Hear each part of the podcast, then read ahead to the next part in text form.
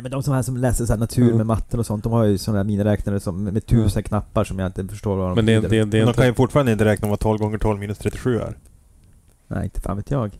Nej men, det borde man ju kunna räkna ut. Utan en miniräknare. 12 gånger 12 gånger 37. 140. Minus 48. 37. Ja, nej, det är inte fan. Det kan man väl inte. Det där låter ju helt orimligt. 100... Kan du, vad, vad blir det då? Men du kan ju bara, du kan ju säga vad som helst så tror jag på dig. 215.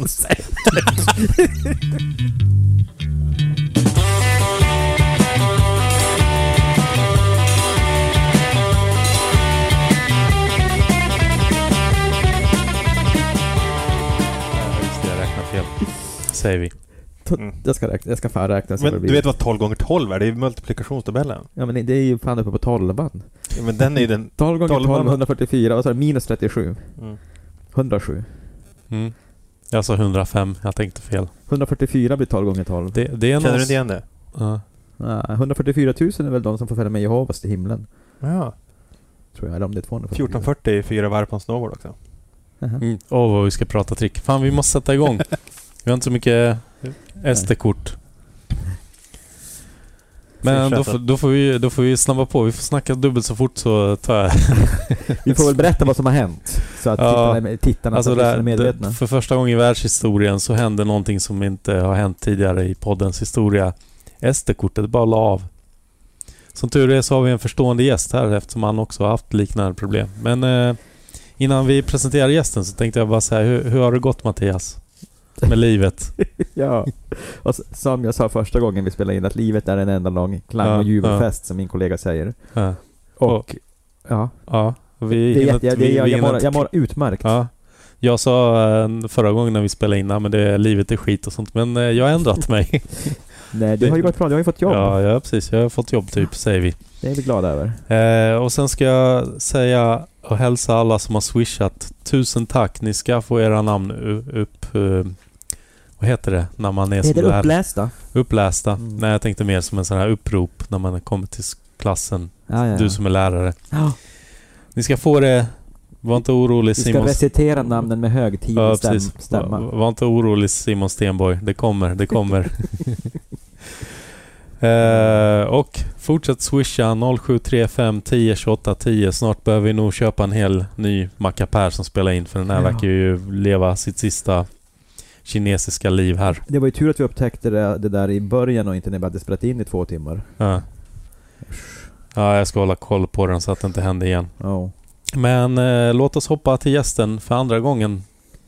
Vi ska presentera honom på, på rätt dialekt också så att eh, varsågod Mattias. Gästen kommer återigen norrifrån och gästen heter Pierre Wikberg. Välkommen. Tack. Ja. Det, det kändes inte lika entusiastiskt andra gången. Jo, men det är lite déjà vu, men det är väl, det är väl lugnt. Vi tar frågan en gång till. Ålder? Eh, 43. Ja, det har inte ändrat sig. Nej.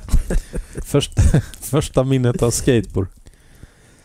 Det var eh, någon eh, tuff kille på kvarteret som eh, hattade runt på någon avlång mojäng. Mm. Jag vet inte riktigt om jag hade sett skateboard på typ sport eller nyheter eller någonting då, men Mm. kring 83 så Mm. kom det väl någon där hattandes runt gatan. Mm.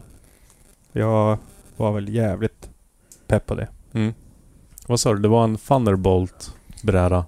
Ja, Thunderbolt hette den. Om Mm. det är någon som har en avlång träfärgad Thunderbolt med två streck med grip tape med Mm. text i rosa så det, hör gärna av er till Skateboardpodden så, så kan ni få en slant för den. Av oss eller? Nej, men jag kan, jag kan, eh, de kan ge skateboarden till mig så får de en slant och så kan de swisha den till er. Ja, låter bra. Då vinner alla tror jag. Ja, Ja. det blir bra. Det blir bra. Ja, vi tar det- ti- 10% provision på det här. Det var den där coola killen Jerker som snusar som körde på den, eller hur? Han var supercool. Mm. Mm. Ja. Men, men Thunderbolt, fanns det inte sådana truckar? Jag tror jag hade det. Som var som Grind King. Alltså de hade den här inverterade... Inte Bridgebolt? Nej, Bridgebolt är ju bara själva truckskruvarna. Jaha, nej. Men Thunderbolt har jag för mig var truckarna. Nej, det kanske inte var. För mig är det en kontakt på en dator. Ja, det är det också. Vad är det för Mattias? Thunderbolt? Han kan bara USB. Jaha. USB, USB känner jag till, det vet jag vad det är. Ja. Nätverksladd. Vi- Vilken version av USB är den senaste Jag, Mattias? jag kan USB och sen kan jag lyssna nu, jag kan HDMI också har jag lärt Ja. mig. Och sen kan jag inga fler. Vad, vad, vad, är skillnad, vad är skillnaden mellan en... Skart, sa du det? ja. Jag tror ingen född på 90-talet vet vad en skart är. Nej, Eh, jag tror det heter skart, men ja. Jag ska inte fall vet Hette väl skart uppe i Norrbotten. Säger du skart? Jag tror fan det. Skart eller skart, jag vet inte. Mm. Ja. Säger du Eh, kaviar eller kaviar? Kaviar för fan. Ja, jag också. Ja. Jag blev Ja. mobbad häromdagen. Och tuggummi. Tuggummi. Tuggummi, eller hur är det ni säger där uppe? Tuggummi. Toy säger vi. Ja. Toy säger vi. Ja, det- Ska vi komplicera det? I Halmstad säger vi hubba bubba. Vad sa han? jag, vet, jag förstår inte. Jag förstår Eh, inte. Ninja-period. Jag hade eh, som tur var en kusin som var sjukt inne på ninja så han gjorde egna ninja... Ska vi pausa eller? Nej. Nej. Nej. Nej, jag klipper bort Mattias när han håller på Ja, och men det skrapar kliade, det kliade i mitt öra. Ja, men jag, hade, jag hade en kusin som var så jävla inne på ninja-grejer. Han gjorde kaststjärnor som vi slängde iväg med händer och slangbällor och allt möjligt. Så att jag var väl delaktig i en ninja-period via min eh, kusin. Som nu är då 47 och fortfarande tror jag säkert har några, några kaststjärnor. Mm. Men han blev inte proffs på det. Han ville ju bli ninja, Ja. tror jag. Men jag var limited med Ja. möjligheter uppe i Björsberg. ja, det var inte så mycket sponsorkontrakt. Och, Nej, alltså nu Ja. hade han säkert så mycket som han brann för det hade han säkert Ja. kunnat bli en youtuber ninja ja, jag tänkte på någon det. slags. Ja, influencer. Nu, nu hade han ju kunnat få hur mycket som helst. ja, men nu köra. jobbar han på Kustbevakningen och ja. sånt. Är inte det lite ninja, smyga lite och Jag tror säkert han har med sig någon ut på sjön där. hå- hålla koll på ryssarna, Kasta på ubåtarna. någon säl eller någonting.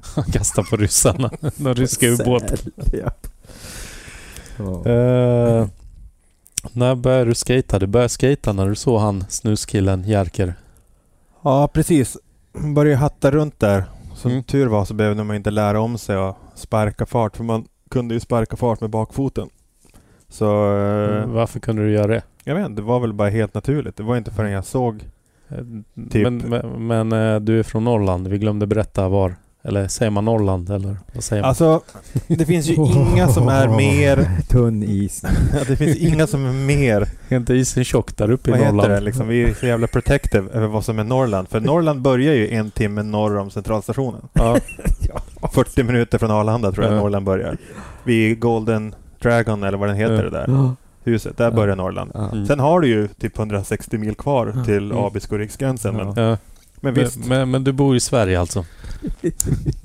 Ja, men, eh, Norrland tycker jag väl är, per definition borde vara norra delen av Sverige. ja. Det kan ju inte vara under Sundsvall. Nej. Det är mellersta Sverige. Mm. Sundsvall kändes ju lite grann som södra Sverige när vi växte upp. Det var också närmaste Ikea till McDonalds för oss. Men det, Ja, jag skulle, det, jag, det jag skulle komma fram till. Först ska vi ju komma fram till var du, vilken stad det här var i. Jag är uppvuxen i Piteå. Ja. Eller Pite. Ja. Ingen som är där uppifrån uttalar Och H1. det jag vill komma fram till. Jag, jag tror jag vet varför du kunde sparka. Du körde kickbike Nej. på snö. Ja, sparka. Ja. Ja, ja, det gjorde man ju. Ja. Mm. Det, var, det var ingen dum teori alls. Nej, då står man på hög... Ja. Men det är det, om man är där regular och Mm. goofy, hur fan... För jag sparkar ju goofy på Det, sparken. det, det kan bli mongo och push. Det beror på hur du sparkar på sparken. Mm. Mm. Men hade inte snowracer också? När ni växte upp? Då sparkade jag Bob med heter det. Bob. Sti, stiga snowracer. Kä- Kälke tror jag jag sa. Ja, Bob heter det. ja, jo jag vet. Men då, då höll man ju på att sparka på den också. Ja. Eller jag vet inte. Fast då åkte man ju mer skidor. Liksom, Då åkte man inte på tvärsen. Ja, På sparken var det, ja det är också lite skidor men man kanske... ja. Nej men det var ju, man var ju naturligt... Man kunde ju sparka fart. Mm. Det var inte förrän jag såg Patrik Karlsson några år senare kom med en jävla fart mot en hoppramp i Piteå havsbad. Mm. Och eh, Alltså på en, på en skateboard. på en skateboard och Ja. sparka Bill Danford kallar vi det. Vi visste inte att det kall, hette något annat. Sparka billan. Han du. Bill Danford. Ja. Det hade väl varit bättre att det hette bild, sparka billen, eller jag vet inte i och för sig. Men Jag vet, än inte, att sparka mongo. jag vet inte om att vara associerad med Bill Danford 2020 är direkt politiskt korrekt heller. Jaså, vadå då? Jag tror han är ute på något lite Halis. konstigt vatten. Är han, i- är han i Jesse? Jag tror han är i Jason Jesse-träsket lite grann. Ah, Men, tror. Vad är Jason, J- Jason Jesse Träske då? Här. Vi skickar en länk sen. mm. Är, är, är, de, är de väldigt mycket höger ut eller? Alltså Ja. de är inte Art och Nox Godoy. Nej, vad Nej. heter han? Art Ja, och Steve Godoy. Ja, precis. Bröderna. De är ju... De är ju längst bort. Ja. Mm. Mattias antecknar vara- för fullt här. Men när vi skickar länken, öppna inte upp den i skolan bara. Vet du, ja, hur ska jag hoppa över nu? Läste du serietidningen? Jag läste inte serietidningar. Jag läste Guinness rekordbok faktiskt. Mm. Det är typ det Va? enda jag läst. Vad var världsrekordet i skateboard på höjdhopp? Typ 1,57 skulle jag gissa. Ludek Vasa. 142 centimeter. Var får jag 1,57 från då? Jag vet inte. Alltså det kom ju bara upp. Visst var det Ja. Ludek Vasa? Ja. Tjeck eller något sånt där? ja från dina, från dina Tjeck- trakter? inte tjeck utan tjeckoslovak. Tjeckoslovak. Ja. Mm. Ja, nu såg jag ju att de var och skatade. De hade någon sån här SLS-tävling här om veckan. Mm. När han Kevin, jag vet inte vad han heter efternamn. Hofler. Hoeffler. nej, nej, nej, Nej. Inte han.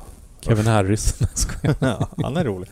Nu kommer jag fan inte ihåg vad han heter. Men en snubbe som försökte det. De hade skämttävling med Ishod Ware och Coston Mm. och Shane O'Neill och sånt. Mm. Så han försökte sig på världsrekordet i höjdhopp på en streetbräda och typ klarade det nästan. Oj. Men eh, var kan vi det- länka till i avsnittet. Det är superintressant. Det- Jag kan ju- facebookade fram här Ludek Vasa. Ja. Vi har en gemensam vän, eh, Jojo Schultz och han är vänner. och kolla, Skick, skicka en friend request Är nu. alla goofy också? Ska vi kolla om han svarar innan vi... Om vi hi- hinner innan vi SD-kortet rinner ut. jag tror till och med att han har Så- lagt, så kan- lagt upp här. Den så- första jag ser så är det någon gammal från så- 87. Så kan vi ringa honom och få det bekräftat. Kolla, Ludek Vasa, 146 centimeter. Ja, då har han höjt Det, det, det, det är det rekordet. första som kommer upp på hans Facebook. Det är helt stört. Han lever i det förflutna. ja, men han lever och mår bra ser det Men ut du, som du vet ju inte om han gjorde det här eh, för någon vecka sedan. Ja. Nej, men han kanske är en sån här jobbig Stefan Holm-typ som är Ja. bäst på höjdhopp för att han har hoppat mest gånger över 1,30. Ja, just det. Så Han har, det. bara, han har bara en sån här gilla-markering, det är. Guinness rekordbok. Nej jag skojar. Så, så vem är bäst på 900 egentligen? Vem har gjort mest 900? Det är väl, jag vet inte om det där Tom Shar eller Elliot Sloan eller vem det är som gör det. Ja. Som gör dem på... Alltså Tony Hawk är ju inte den som gör dem varje session i alla fall. Nej men du har ju sett den i real life du. Ja. Det är få förunnat. Mm. Jag var den sista som high-fivade när han gjorde den där så tänkte jag hoppas det här är den sista för då är jag den sista som har Men han gjorde väl en när han fyllde 50? Ja men han gjorde en i... Nu ska vi inte avslöja för mycket inför nästa avsnitt men jag såg att han gjorde en igår. På den där dokumentären. Mhm. Det finns en dokumentär. Jag vet inte om du har hört talas om den. Men det kommer vara nästa avsnitt så. Mm. Men vi ska prata mer om dig tycker jag. Mm. Eh, så du börjar skata. Eh, ja just det, för nu blir det lite virrigt. Vi har ju redan spelat in där. Men du fick en proffsbräda du har köpt i London. Mm. Jag var första- faktiskt nere i Brighton Ja. 88 och gick in på en skatebutik där Mm. och köpte en Roscop Face Mm. som jag var sjukt pepp på. Och, och du valde mellan Roscop och Velunder. Ja, det var, tr- tror det var en blå Per Welinder Mm. eh, streetmodell eller någonting. Ja. Men jag är jävligt pepp på det där Roscop Facet och har försökt ebaya mig fram en sån Ja. sen dess. Men jag har aldrig hittat en träfärgad med självlysande ögon. Mm. Så om någon lyssnare har en sån så swisha en. Swisha till Skateboardpodden. ja just det. Om den personen har det ska han swisha till oss. Då kan jag höra av mig. De där Mm. ögonen kändes ju onödiga, man skater ju aldrig i mörkret. Liksom. Nej. Men sen skulle man ju ha rails på den och vill inte förstöra grafiken. Men det är klart man skater i mörkret. Jag hade jävligt snygga cellblocks. De var typ Mm. samma färg, typ självlysande gula. Har inte du... Låg du och sov när vi spelade in med Magnus Ljungdell? Nej. Han släckte ju lampan när folk inte ville sluta skata i galaxen. Och folk skejtade ändå. Ja. För de hade, de hade Roscop och självlysande ögon. Kommer ni, kommer ni ihåg den här trenden när... Jag tror DC var en av de första. När det var sådana reflexer på 90-talet på allting. Nej. Skorna och... Aha. Det känns Wind- väldigt drawers-kompatibelt. Mm. Men ja, det kanske var mer drawers. Men vi ska snacka om DC och allt det där lite senare. För nu ska vi hålla tidslinjen, eller hur Mattias? Det ska vi göra. Ja. Preussisk ordning ska det vara på tidslinjen. Ja. Men det var ju ganska coolt att ha en, jag tror vi kallar det för USA-bräda då. Mm. För det var Taiwan-brädor innan Mm. och så vart det USA-brädor. Och sen nötte man ju Ollis på de där i, Mm. det tog ju några år innan man lärde sig ett annat trick. Mm. Det var inte förrän jag kom till Luleå och fick se typ året efteråt, eller samma sommar kanske. Mm. Fick jag träffa några av De var inte från Hertz Island där Mattias är ifrån, utan de var från Tuna och där var det livsfarliga killar. Mm. Som jag räknade ut var 14 bast. Mm. Men nu i efterhand så känns det som att de var 25. Mm. Men eh, de kunde lite trick och så. Ja. Jag kunde ingenting. Vet du vilka det var? Namn? Eller? Jo, alltså han som jag träffade först, det var på Pite havsbad på camping. Ja. Han eh, heter Kristoffer Åström och blev musiker sen. Ja. Med Fireside. Fireside och soloprojekt. Och han, eh, han var jävligt bra på Olli, Olli Säd. Ja, Mm. just ja. Så han visade mig Shackle Me Not. Mm. Han hade någon kopia. Jag kommer ihåg hur vi var Mm. inne i hans, hemma hos hans föräldrar. Och så fick jag se den här Shackle Me Not-grejen och jag fattade ingenting. Mm. Typ han kunde typ kickflip då tror jag. Mm. 88. Mm. Och när jag såg Shackle Me Not så... Jag vet inte. Alltså det var så en blackout. Det var typ för bra skating. Mm. Förstod ingenting. Mm. Och sen så träffade vi då lite folk i området. Bland annat Semi. Mm. Som också typ vispar runt säkert någon 360-flip den sommaren. Mm. Simon var jävligt bra där. Han skulle nog kunna varit etta, tvåa på bollen där. Han och Pelle Gunnefelt. Mm. På, men Semi var jävligt med Hensley influerad. Mm. Alla var väl det, men han Mm. var väl mest och svinduktiga på Olysäd var allihopa. Jag nådde ingenting. Nåd, Mm. Kom aldrig ner till brädan. Men i den här podden har jag lärt mig att Micke Larsson var överlägset bäst. Ja, han var jävligt bra på att rycka lean till nosepick och rycka frontside in på quarterpipe. Kommer ni ihåg den? Nej, det gör jag faktiskt inte. Han ryckte så. Landade nosepick och så ryckte han tillbaka den så. I Pontushallen. Det måste jag säga, det har jag faktiskt inget minne av. Ja. I Pontus? Ja, i ja, det hallen där. Alltså, Men när han höll på att rycka nosepick och sånt så gjorde Pelle Gunnefelt backside 180 kickflip mellan över en madrass. Mm. så det var lite olika. Eh, jag har inte sådär, eftersom inte jag var där uppe så mycket. Jag tror jag aldrig varit där. I Piteå. Uh, var har jag varit någonstans Mattias? Var var vi någonstans? Umeå var det. Ja, fan vad roligt det var. Ja. Ja, Umeå det är ju bara, vad är det, 30 mil? Ja. I Halmstad-mått så är det ju som till Köpenhamn och tillbaka sju gånger. Men det jag tänkte på, eh, för du, vi har inte nämnt det, men du är ju mest känd för att vara filmare och snowboardfilmare främst kanske. Jo men det var väl där och då när jag såg Pelle Gunnefelt göra backside 180 kickflip mellan över en madrass när jag Ja. försökte lära göra en grind på en curb som var 10 cm hög att jag Mm. insåg att det här kanske inte var någonting för mig. Mm. Men eh, och Mattias höll på att göra G-turns. Trodde han var Scott Oster. Varför, Mm. varför började du inte åka freestyle för då? Som jag? Alltså jag åkte ju street ungefär lika fort som ni åkte freestyle. Också en variabel till varför jag inte blev så duktig. Mm. Men det var väl rätt, det var ju svinkul att åka skateboard. Alla var Mm. väl rätt lika duktiga innan Mm. 1990 så att säga. Mm. Men han, han du testa tävla någonting eller gav du upp? nej, jag tävlade en gång typ 97, 98 i Stryn i Norge. Bandy. På ett snowboardcamp där de har Alltså skateboardtävling eller? en skateboardtävling Ja. på campingen. Mm. Och jag minneslucka hela åket. Mm. Minns ingenting. Mm. Klarar inte ett enda trick. Missar på För, shovet för på att du var nervös eller? Ja, förmodligen. Mm. Aldrig fattat Så hur... du, du var aldrig med i Sverigecup-tävlingarna eller någonting? Nej, jag var aldrig duktig nog. Jag Ja. hade nog redan där och då haft tillgång till en videokamera så att då insåg jag att jag tyckte att det var roligare att Ja. filma än att lära mig nya trick. Ja, berätta, hur kom det sig med att du hade tillgång till videokamera? För det var inte alla som hade det på den tiden. Nej, men det var väl där typ någon gång man stod i lekvaruhuset i Luleå och så hade de Animal Chin på en Mm. TV där. Mm. Typ 88. Mm. Samtidigt som jag såg Shackle Me Not tror jag samma år. Mm. Men så, man fattar ju liksom inte att det var en industri, att folk filmade. Mm. Och sen så hade pappa expertbutik i, i Luleå. Mm. Så de sålde videokameror. Mm. Så filmade han lite examen och något julspel och Mm. några andra saker när man gick i skolan. Och sen stod den där kameran antingen hemma Mm. eller på butiken. Mm. Och med tanke på att man hade sett Animal Chin och sånt så ville vi ju typ testa också, typ när man lärde sig trick. Mm. Så den där kameran åkte med när jag åkte in till Piteå. Mm. Eller filmade ute på gården. Mm. Selfies. Satte upp kameran och typ tränade så här kickflips i 500 minuter och sen klarade Ja. man en. Vad var det för videokamera? Var det Det var VHS. Alltså Stora- riktigt stora kassetter? Jag tror det var stora VHS-band från början. Ja. Och sen blev det VHS-C Ja. som var man behövde ha en adapter till. Ja, just det. Som han stoppade i ett vanligt VHS-band. Ja. Eller... Jo, men alltså de, på den tiden var de flesta, då hade man så separat VHS-bandare över ena axeln och så hade man kameran på den andra axeln. Så det var som att bära två väskor.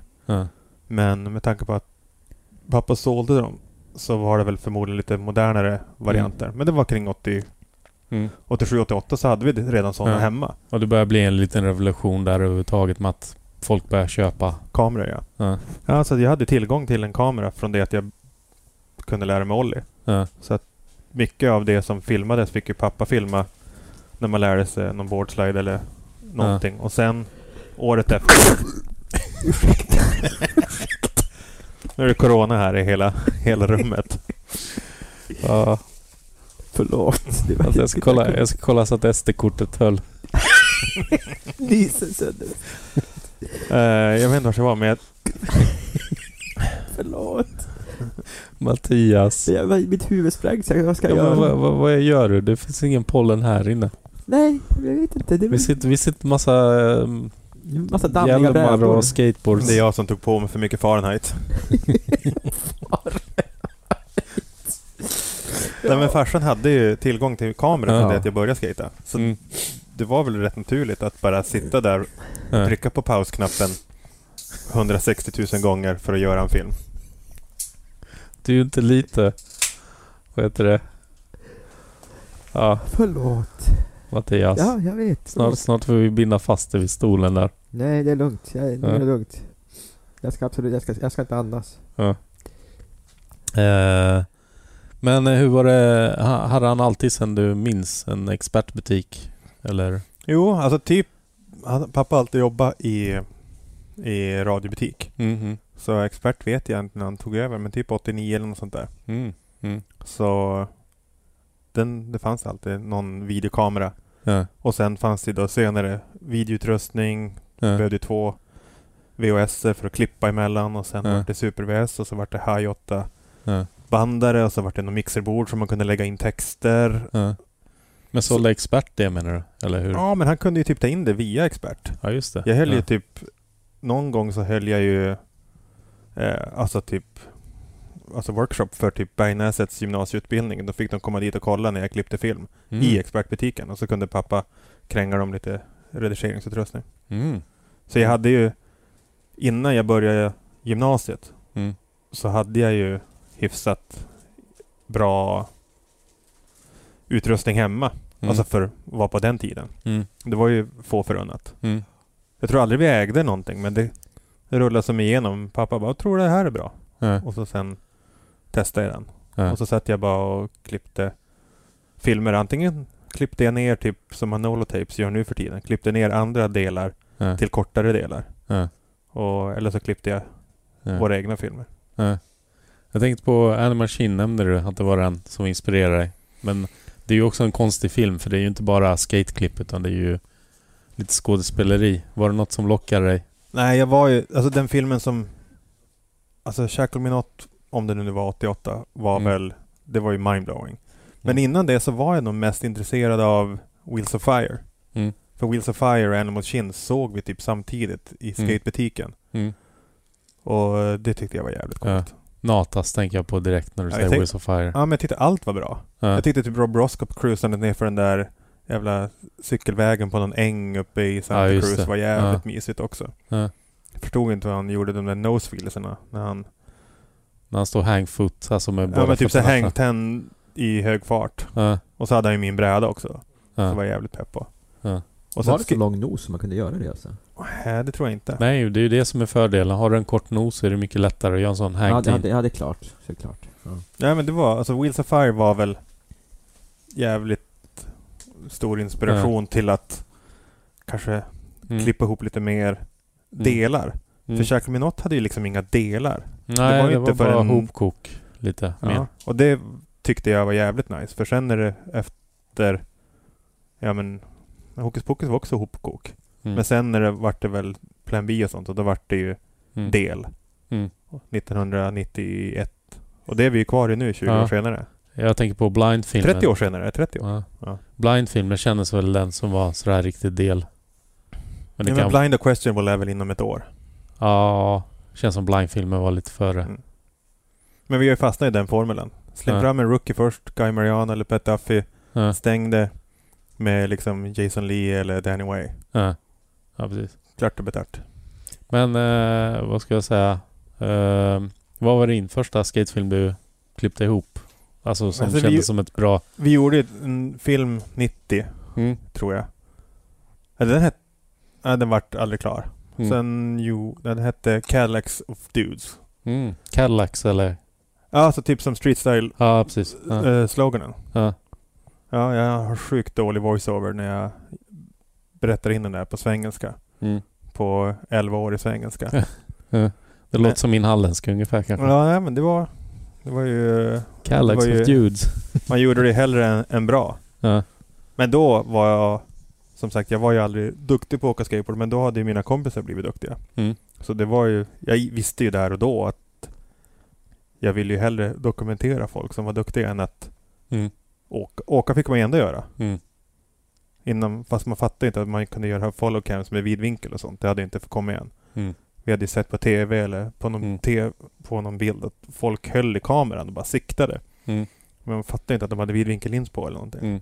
Så vi försökte ju åka efter varandra och filma. Med en vanlig. Ja. Ja, det var inte, inte superstabilt. Nej, ganska svårt och så blir det som man har sett gamla klipp. Bara skakigt som bara den.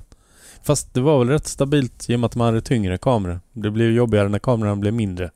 Ja, kanske. Men de, Mm. alltså som sagt, mina kompisar var ju så mycket bättre så att det var, jag ville bara utvecklas med att Ja. filma.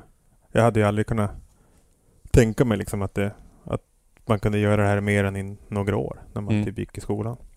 Hur var det första fishejet eller vad var det du fick tag i?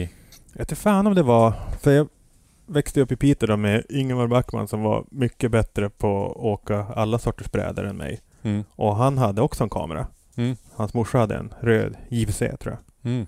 Så han filmade en del hemma och så filmade jag en del och så sen började vi göra filmer typ 89. Mm.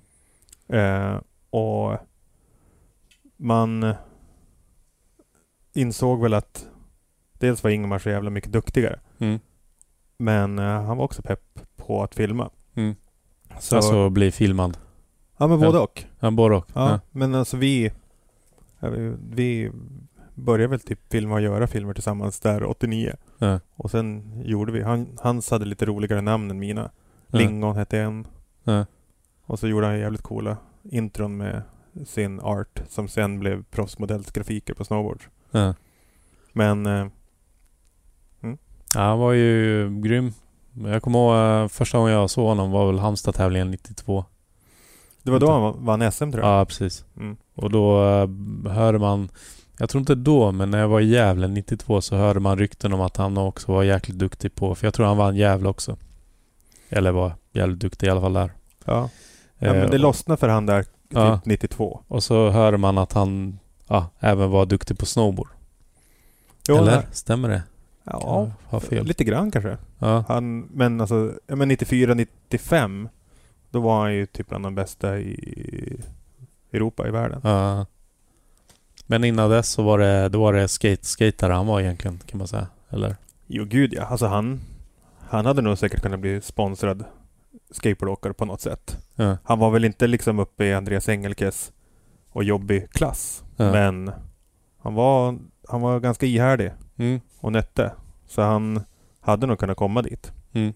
Men eh, ja, med tanke på var vi bor också lite grann Ja. så var det inte så jäkla mycket skateboardstämning mellan november och Ja. april. ja, det är Så- bara snö. Ja. Det är bara lägga sig som ett täcke konstant eller? Jo, men vi skejtade ju bara i... Alltså det var ju få gånger man fick komma upp till Luleå och skejta i deras skyttegrav, höll jag på att säga. Där det bara låg bly överallt. Och, Så här skyttehall. Ja men var det inte så här kulvertar i sjukhus eller hur var det? Nej, vi fick alltså, det var det. ja, de fick en hall, Vi men det var ju liksom en skjutbana Ja. och Jaha, så det fick man skejta där. Ja, men ja, det var asfalt, alltså asfaltgolv och så det var en skjutbana. De sköt både bågskytte och Ah. bly, pistol, gevär vad de nu hade. Lät inte som bara den där inne. Fast de sköt inte när vi var där. Fast en gång när vi, en gång när vi kom dit, en av de vi, första... vi åkte inte i kulregnet den. Vad vet vänta, jag? du ska skjuta, vänta. Men jag tror ni åkte vid sidan av. Micke, ryck inte den nosepicken nu och Pelle, gör det till backside kickflip på madrassen och ska skjuta här nu. Ja. En av de första gångerna jag kom till den där hallen, när man hade krånglat sig dit med buss och sånt. Eh, då hade vi läst fel eller någonting. Vi kom dit så här, klockan fyra och det öppnade klockan sju eller någonting. Mm. Och då började vi skata i så här perfekt, ja men sånt här marmorgolv utanför badhuset Mhm. i någon foyer.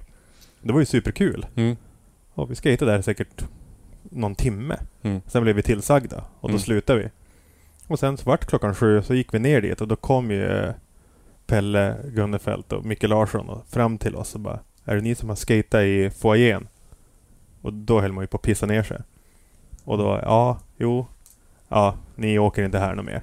Och så fick vi inte komma dit. Nej. Ja, fan vad rädd man var. Fan taskigt. Ja, men jag förstod ju dem också. De fick ju en Mm. utskällning att det kommer en massa jävla Ja. utom socken så skater i på marmorgolvet. Ja. Ja men då var det väl hårt tycker jag. Men de var tuffa också. Jo, Mm. gud vad tuffa de var. Mm. Tänk, tänk om vi hade spelat in Micke Larsson sist av alla. Vad mycket skit vi hade kunnat ha på honom istället. Vi får ta in honom en gång ja, till. det måste vi göra. Ja, Du får heta, du får stå till svars. Micke Larsson 80s, 90s, ett försvarstal som... Ja. Ja. Ja, men de var inte de var inte elaka, de var bara alltså, respektingivande. Ja. De läxar upp er bara på Ja, ett men typ så korrekt här sätt. kan ni inte skata om ni ska hålla på och skata Ja. i marmorfoajén. Ja. Rimligt. Ja. Ja. Men vad fan. Ja, ja. Ja. Så att, eh, ja, jag kollar på mina frågor här. Hade du proffsdrömmar hade jag som en fråga. Men eh, jag antar att det dog rätt snabbt för dig. Eller som Ja. du sa. Nej men jag pikade ju där typ 92. Mm. Med några shovits och några flippar. Sen, Ja. sen var jag så jävla intresserad av att filma. Ja. Och det tror jag väl att många andra i andra städer var också. Alltså Mm. det fanns ju nå alltid några homie-kameror i varje by. Mm. Jag var en sån. Men jag var ju väldigt intresserad av det. Ja. För jag eh, spelade in en film för jag hade, tror jag, brutit tån eller någonting så jag kunde inte skata. Var det från ja, april eller någonting, mars, april till eh, maj eller någonting, slutet på maj. Så hade vi två timmar där jag bara åkte runt och så hade vi en fritidsgård som hade en videokamera och sen hade jag en Amiga-dator där vi gjorde lite grafik och två video... Nej! Vi hade en videobandspelare och så hade vi en TV med en inbyggd videobandspelare. Så att så höll vi på att klippa. Och sen gjorde vi den filmen 92. Släppte den väl i juni eller någonting. Bara internt. Sen 93 så fick vi... Vad heter det? kom ner några tjejer från eh, Norrland säger jag nu. Vadå, från Gävle eller? Nej, det var nog mer i era kvarter. Ja, men jag vet inte om det var Luleå, Piteå eller Skellefteå eller vad de heter men hur som helst. De kom ner med en film eh, som heter Brädad. Mm, det var min. Mm, jag vet. Mm. Och eh, Det måste ha varit ja, 93-94. ja. Och så frågade de, har ni Halmstad-snubbar någon film då? Så bara, fick de en kopia av den där Små hemlisar som vi kallar den för. Och sen när de kom tillbaka igen, jag vet inte, jag minns inte om de här tjejerna pendlar fram och tillbaka eller det var så sa de så här, ja de har sett det i filmen, de tyckte den var så jävla dålig. Fan, undrar vad, hur, den, hur den filmen... Mattias hade del i bräda till Snoop Dogg. Har jag? Ja. Ja, där i Malmödsgården. När, när du, Gör ollar, lines. du, du gör Olli utför 10 steg eller om det är 8 stegs trappa och ser jättelycklig ut. Du, du håller händerna uppe så här. Är det sant? Ja. Jaha, alltså, jag åker street alltså? Ja, du Det kör någon line där vid Malmödsgården. Där de där två lastbryggorna Och hålla den där trappan ja. Ja, håller trappan. 360 flip har jag för mig att du gör. Stor... Jag, hasar mig ut för den där trappan. Ja. Ja. Ja, Mange Schreckvist gjorde nästan backside kickflip. ja är det den filmen? Mm. Heter den Brädad? Mm. Okej. Du åkte till Snoop Dogg, hur kunde du glömma bort det? Det hade jag absolut ingen minne Men av sån att här det var. eh, barnlåts-sampling va? Mm, i början. Men- Kolla, Dennis kan din videography bättre än dig själv. jag, jag har absolut ingen aning. Hur många videodelar har du haft där du liksom... Som Nej, du är det, där, omedveten det är om. den här delen som du säger nu som jag känner till. Ja, nej men det var kul att den filmen tog sig till. Det var ju inte så lätt för VSR och... Ja, Och resa nej, runt Nej precis, jag tror att det utbyte. Men jag fattar ju att ni inte tyckte vår film var så imponerad för att eh, det var ju filmat 92 och ert var ju filmat 93. Men eh, Kalle Helgesson som hade Big Macon, Mm. han gjorde ju bra filmer på den tiden, vill Mm. jag minnas. Och då var det ju typ han, Pascal, Gyllenberg här i Stockholm Mm. som var, men var lite seriösare med Mm. att dokumentera och filma. Mm. Men det var varenda by, Halmstad eller Göteborg Ja. eller vad som helst hade väl Ja, det var Filmare. alltid, ja, precis. Alltid någon som hade videokamera och ville filma. För, eh, för, för vår del tror jag det kändes mer som att det var 8 Street som gjorde att man kände att ja, men shit, det där ser ju så dåligt ut det där Mm. footaget. Det var ju filmat med hemkameror. Ja, men det var ju mycket mer relaterbart och det har jag väl Ja. försökt få med mig nästan hela mitt liv. Att när man filmar saker som är relaterbart så connectar det med liksom folket Mm. på ett annat sätt. Mm. Speciellt i dessa gimbal perfekta 4K HD slowmo Red Mm. Bull-filmer. Drönare och allt Så det relaterar det inte samma sak som ibland en vertikal Ja. iPhone-video liksom. Ja, jag tänkte vi ska prata mer om kameragrejer och sånt. Men eh, 93 är jag på nu. Hur kändes det året för dig? Mm, det var stort. Flyttade hemifrån. Ja, Uh, flyttade till Skellefteå, gick med i gymnasiet. ja, Fortsatte göra skateboard och snowboardfilmer. ja. Och cruisa igenom skolan. Så, så det var den utbildningen du hade, mediagymnasiet eller? Ja, det var typ första eller andra året. Ja. Ingemar hade faktiskt gått den året innan. Men sen flyttade han ner till Malung och gick snowboardgymnasiet. Och sen blev han typ heltidsproffs. Ja, Så jag tror aldrig han gick mer än ett år i skolan. ja, Och med tanke på att han och en annan kompis hade börjat pendla mellan Piteå och Skellefteå som är typ kanske 7-8 mil. mm, Eh, så öppnade väl upp dörren för att jag Mm. visste ju att jag, jag hade typ nästan suttit och klippt hemma på samma ja, vis i flera år. ja. Så att det fanns en skola för det. Det var Ja. väl bara rimligt. Så Ja. då flyttade jag hemifrån. Men jag tänkte 93.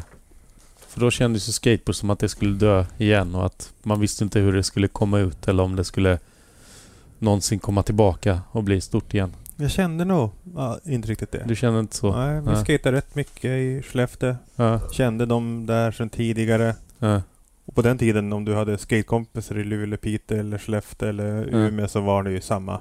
ja, För mig var det samma garde så att säga. ja, Det var ju bara filma. ja, Träffa Kärran och Bjugg och Petter och Allansonsbröderna och de som Ja. skatade mest i Skellefteå. Det var ju... 93 skater så in i helvete känns det som. Ja, det var rätt mycket skate. Ja, det kanske var mer där uppe än vad det var söderut. Ja, vi hade väl inte fingret på pulsen kanske. Vi märkte Nej, inte. Nej. nej, men jag tror också att snowboard räddade ju ganska mycket peppet. Ja, men vi Fel. hade ju butiker då i varenda stad. Det var ju Mm. butiker i Luleå, Mm. Piteå, Skellefteå, Umeå. Ja. Snowboard såldes överallt. Skateboard Ja. såldes lite här och där. Med, medan snowboardmarknaden nere ja, Skånehållet var inte så stort. Nej. Så då blev det ju liksom att skateshopparna försvann mer eller mindre. Nej, jag kände inte någon dipp direkt. Ja, ja. Det var väl, alltså mycket av det man alltså präglades av var ju sent Mm. 80-tal och mycket 90-tal. Ja, Av, och, så jag vet inte, jag tyckte väl att skateboard på 90-talet var väl grymt som fan. ja. ja men det, och det kan man tycka nu när man kollar tillbaka också att shit vilken jävla kreativ period det var så mycket som hände. Mm. Åren 90, eller egentligen 89 till 93, 94. Mm. Ja men det var ju typ efter Shackleminot när Street tog Ja, över brädan och började få lite nos. Ja, Och sen var det bara köra på. ja. Då hade inte alla stora så här, Magnusson, Taylor och stora Åbäken. Så här, Frankie Hills första... Typ, Hell, Hell Concave. ja men Frankie Hills första Paul-bräda hade jag. Den vägde ju, jag vet inte, förmodligen mer än Magnussons Helcon Mm. Cave. Men sen, sen vart det ju det glada 90-talet med Girl och Ja, allt möjligt och ja. massa konstiga flippar. Men hade du siktet inställt på att bli skatefilmare eller hade du siktet inställt på bara vara filmare allmänt eller hur tänkte du? Jag, jag, jag, det fanns väl ingen som kunde, jag visste som kunde leva på det. Det var Nej. väl de som gjorde typ 8 Street och Powell-filmerna. De drev ju företagen också och filmade Mm. också. Mm. Men på snowboardbranschen så visste jag att det fanns typ ett handfull Mm. produktionsbolag Mm. som på heltid filmade snowboard. Mm. Och det var väl någon där någon gång min syokonsulent frågade liksom vad man skulle bli. Mm. För att det låter ju faktiskt helt otroligt. Men då, om man sa 1993 att vad vill du jobba med? Jag vill jobba med att filma saker. Mm. Jaha, d- på den tiden visste de ju bara vad filmer var. Mm. Sällskapsresan-filmer. Mm. Eller, eller stå i studion på Ja. Rapport. De det bara, fanns ju ingenting däremellan. Ja, så de bara, jaha du vill filma snow, jaha du vill göra en uh, snowroller? Nej men alltså, folk hade ju inget Mm. koncept över att man kunde filma någonting annat än Ja, sport, tv-sporten eller ja, långfilmer eller ja. jag vet inte vad. Men jag kan ju tänka mig som idag när kidsen säger jag ska bli en youtuber till deras syokonsulent. De måste ju bara sucka. Ja men han frågar väl typ så här, vad är, vem gör det du gör? Ja, Det är inte en orimlig fråga men då räknar jag ut att det var kanske ja, fem, sex personer i världen som filmade snowboard ja, som ett yrke. ja. Och så skrattade han åt mig och så tro, frågade han, ska du bli en av dem? Och så sa jag ja. Och så typ fick jag typ lämna rummet. ja. Ut! Fan, Då måste jag ändå passa på att tacka min syokonsulent. Jag kom in där 91 och sa eh, jag vill hålla på med nästa version av text-tv. Programmera och sånt och ja, göra grafik. Mm. Vilket blev webben. Mm. Men jag visste ju att det var dit det var på väg också. Men han skickade mig till, sa gå grafisk linje så att du får lära dig typsnitt och sånt. Jaha. Och där uppe där. Ja, det Rimligt. Ja, men på den tiden så racklade jag ju mig igenom lokal-tv i Piteå, Ja. Luleå och Skellefteå. Och Ja, vem som än som hade en kamera eller en redigeringsutrustning. För ja. du kunde inte redigera i din telefon på den tiden. Det Nej. var ju liksom en investering på ett par miljoner du, hade, kronor. du hade ju inte ens en telefon. Nej. Eller du Jo, hade säkert... 94 hade jag det. Hade du det? Jag har Ja, samma så- nummer än. Nej. Va? Har du samma nummer nu som 1994? Mm. Det är helt Vadå orimligt. 010 nummer eller? Nej, 020. Fanns det redan då? Mm. Jag fick för mig att det var Men 010 hur bara. kan, du, hur kan du ha... Det här måste vi reda ut. Hur kan du ha samma nummer? 94 är ju sjukt länge sedan. Han jag håller på... hade hemtelefon men det var ju så jävla dyrt. Eh, så då skaffade jag mobil. Det här är ju helt som du brukar säga, mindblowing. Men var det riktig mobil som du hålla i handen? Mm. Motorola StarTech. Så det var ingen sån här eh, låda? Alltså jag hade ju en personsökare typ samma år. mm. Eh, såklart. Mm. För jag hade sett att Lojten och alla coola i Stockholm Mm. hade. Hade du en sån Mattias? Ja, det är klart. Jag har samma nummer än idag. Om du ska pipa mig. Vad fan hade man? 0740? Ja, Jag tror det. Ja. Ja, 11 77 77 hade jag. Ja, det är så jag får tag i Mattias. Det är helt sjukt att jag kan mitt Minicon-nummer Ja, det- från 1994. Ja. Jag kan inte min frus nummer. Mm. Du hade ju problem med att komma ihåg vad ditt barn heter, sa du På, Jo. på, på tunnelbanan hit. Om man, om, man, om man väcker mig fyra på morgonen så skulle jag vara osäker på vad mitt barn heter. Ja. Till saken ska jag säga att eh, min eh, pojke har just fått ett namn för några Mhm. dagar sedan. Så det var... Det är inte orimligt att jag inte vet vad han heter. Nej, det är Mm. inte. Hur gammal är han? 10? Nej jag skojar. Vi kör sen namn. Det, Men, men om, om, vad säger du till folk när de frågar vad gör du för någonting? Vad, vad, vad gör du? Eh, jag brukar skriva på både engelska och svenska filmmakare. mm. Men du filmar inte bara snowboard? Det är väl... Mm. Nej, jag har inte filmat snowboard heltid på över tio år. Ja, men nu hoppar vi Mattias. Nu hoppar vi som fan. Nu, nu är vi på slutet av avsnittet. Nej, men jag, jag tittade här, det stod ingenting om det där, men okej, förlåt. Då pausar jag där för nu måste jag pissa. Ja. Borde ha bättre vokabulär än att säga att det där var vansinnigt. Hur är din fru när hon är arg? Är hon också vansinnig? det, det, det, där, det där är den listan det var. Kära, kära lyssnare, vi är har precis, jag vi, sett, vi har alltså. precis eh, bråkat här för att Mattias bröt tidslinjen och brutalt. Så vi var tvungna att ta en kisspaus allihopa nästan. Jag har skrivit upp en viktig milstolpe i ditt liv här. Ja. Och det kan du gissa vad det är då va? ja. Det finns ju finns väl en, men få höra vad du har för milstolpe. Ja. Backside Air, ja. Ingemar Backman. Jo, men där ändrades, ändrades ju livet. Mm. Vilket år var det? Riksgränsen maj 96. Mm. Ingmar hade varit snowboardproffs i två, tre år då. Mm. Hade just startat eget märke Mm. som var coolare än vad fucking awesome var i skatevärlden på Ja. den tiden. Ja. Han hade just haft sin livs bästa videodel. Ja. Eller till och med två videodelar samma år. Var det TB? Nej, han filmade aldrig med dem. Inte bra. Eh, för de som är intresserade kan man googla upp Meltdown Project Mm. och en annan film som heter Substance. Mm. Så Ingemar hade gjort ett jäkla liv i USA. Alltså Mm. på riktigt Mm. var högst uppe på allas vill ha-lista. Mm. Och så drog Men- vi till Riksgränsen där men- vi... Men hade du filmat någonting seriöst inom Nej. snowboard? Jag hade inte filmat någonting. Mm. Utan jag gick gymnasiet fortfarande. Och... Och inte skateboard heller något?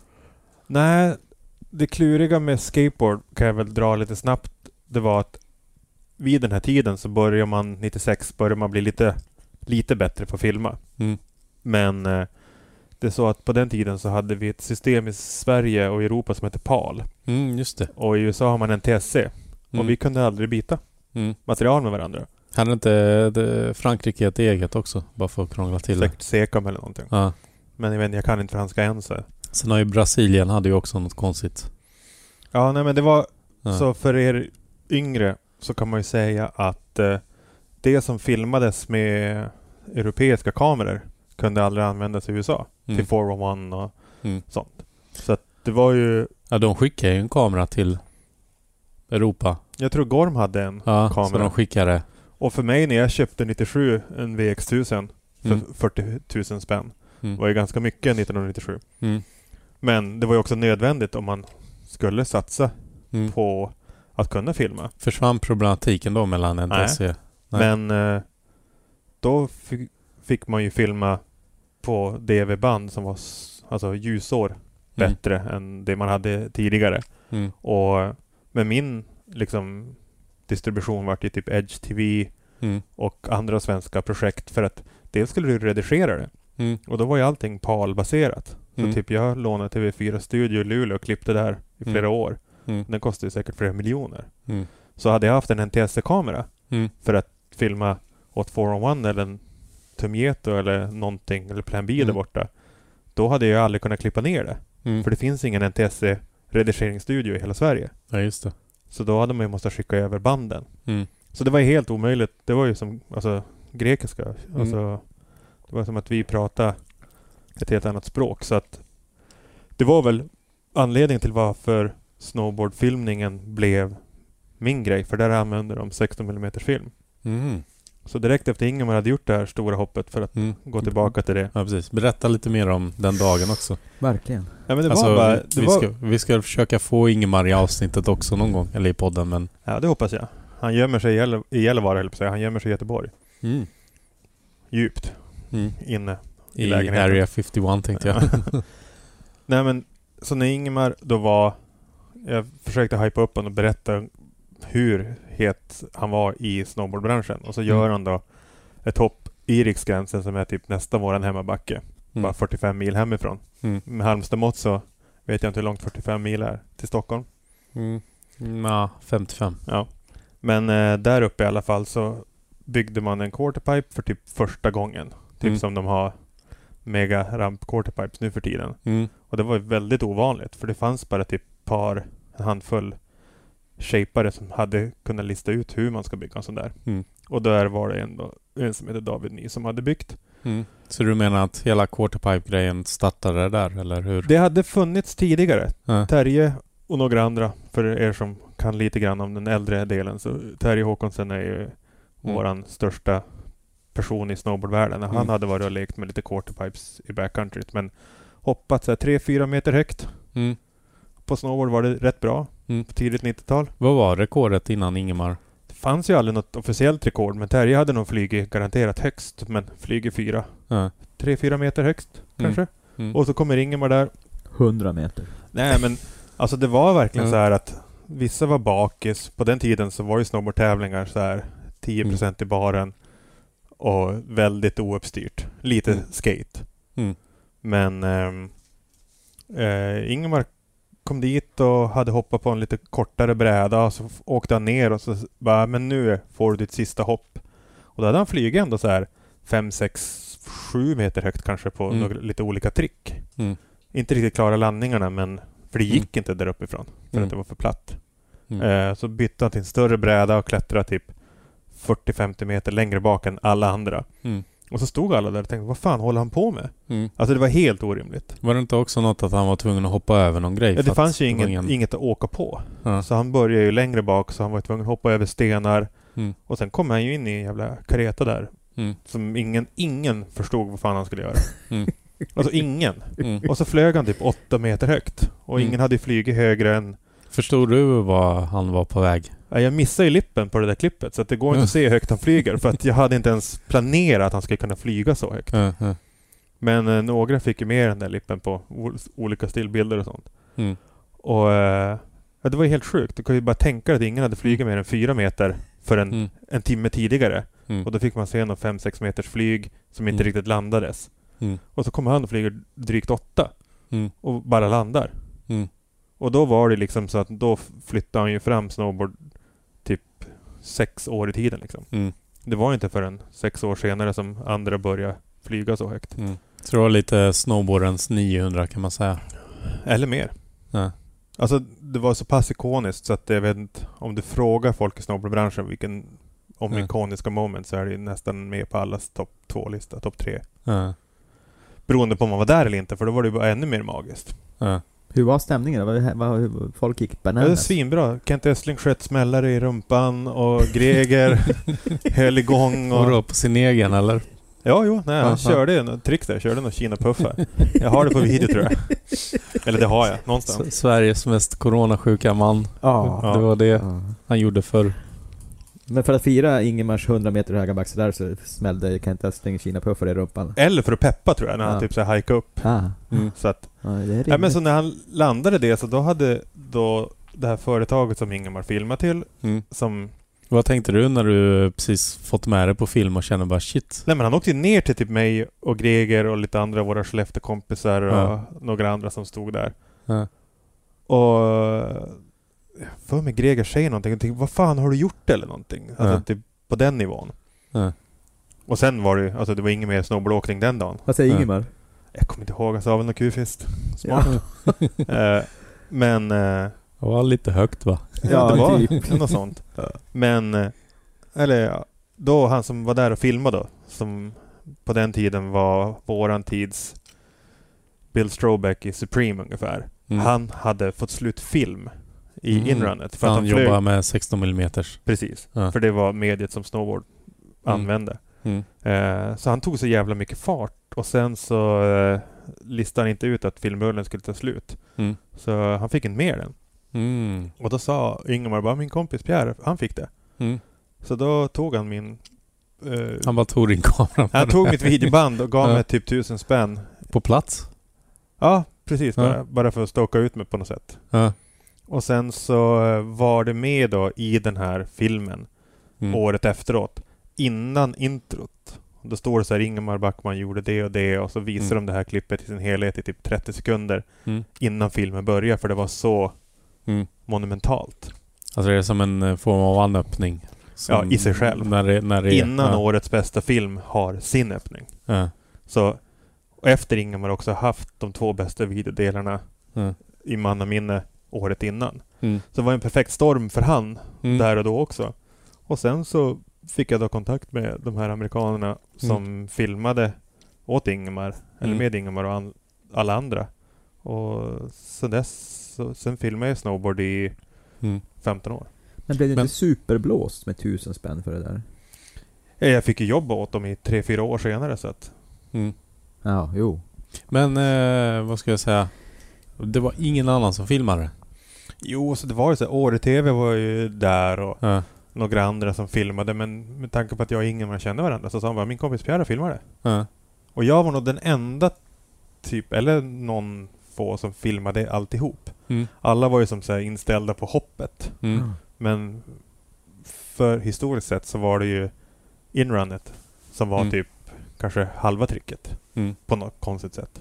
Mm. Och de gillade det. Fast den, det, liksom, det var inte den högsta vinkeln eller någonting men Mm. på den tiden fanns det ju väldigt mycket printmedia också. Mm. Så jag tror att Ingemar, jag har hört allting från 7 till 11 covers Mm. på det hoppet. Jag kommer ihåg när man gick in i Pressbyrån så bara... Ja, Men alla de överallt. stora, Transworld Snowboarder, Blunt, de Ja. hade det. Det Ja. är de tre största. Alltså det är som Thrasher, Ja. Transworld och Mm. jag vet inte vad vi hade mer. Skate Det var det, Mag. 90, 94... 96. 96. Mm. Och sen var det alla japanska editions och alla europeiska inhemska tidningar Mm. och säkert, ska inte förvåna mig om en- Fansport hade det också. Ja, för mig fansport. Jag är inte säker. Eh, och sen, ja, det var... Eller, eller var det Edge kanske? Jag minns inte. Nej, jag minns inte heller. Ja. Men i alla fall, det var... Så det var ju det som, att jag var där på rätt plats vid rätt tid som gjorde Mm. att jag fick en öppning.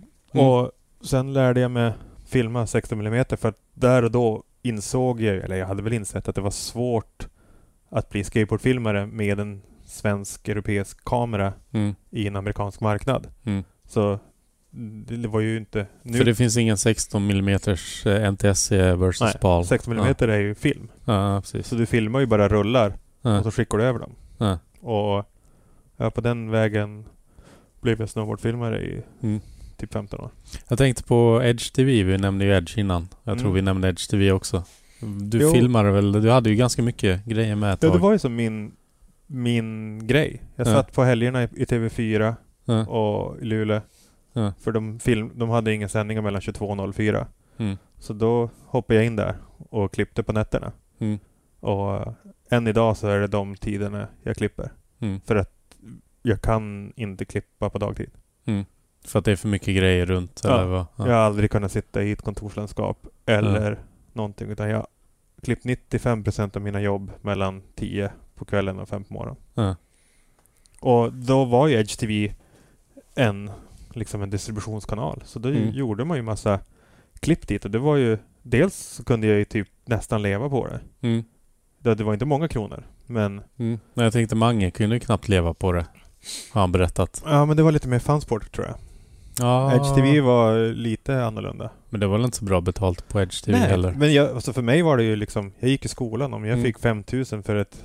Och så bodde hemma också kanske på det eller? Ja, jag hade eller egen du- lägenhet. Ja, Men du jag hade hade, egen lägenhet ja. Men de kostade inte så mycket på den tiden. men 600 kronor hade jag hyra. Oj!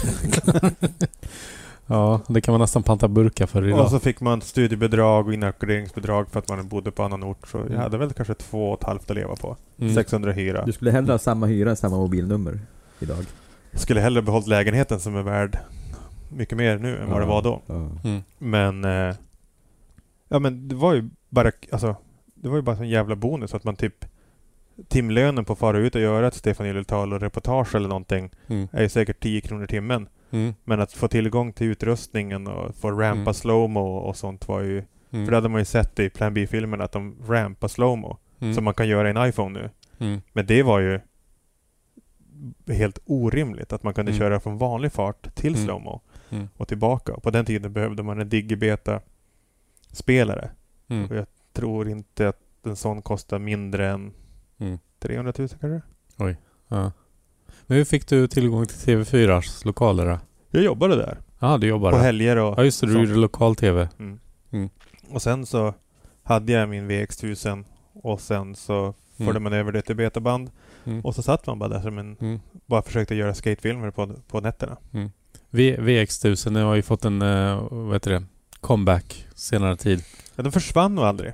Nej. Det var BMX-erna, deras industri Mm. levde på VX1000 hela tiden. Mm. Och sen finns det ju jävligt mycket Instagram-konton och folk som Mm. fortfarande bara använder VX1000. För att Mm. det känns 90-tal och rackligt och 401 och så. Vet, du vad det är för kamera Mattias? Jag, jag har ingen aning om vad ni pratar om.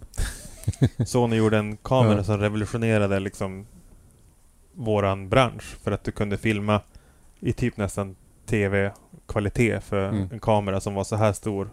Lång, vit, silvrig. 40, Mm. 30, 40 centimeter visar. Men, men det var den första DV-kameran också? Alltså med DV-tapes eller? Typ. Ja. Första trechipparen säkert. Ja. För då hade man en chips och tre chips kamera.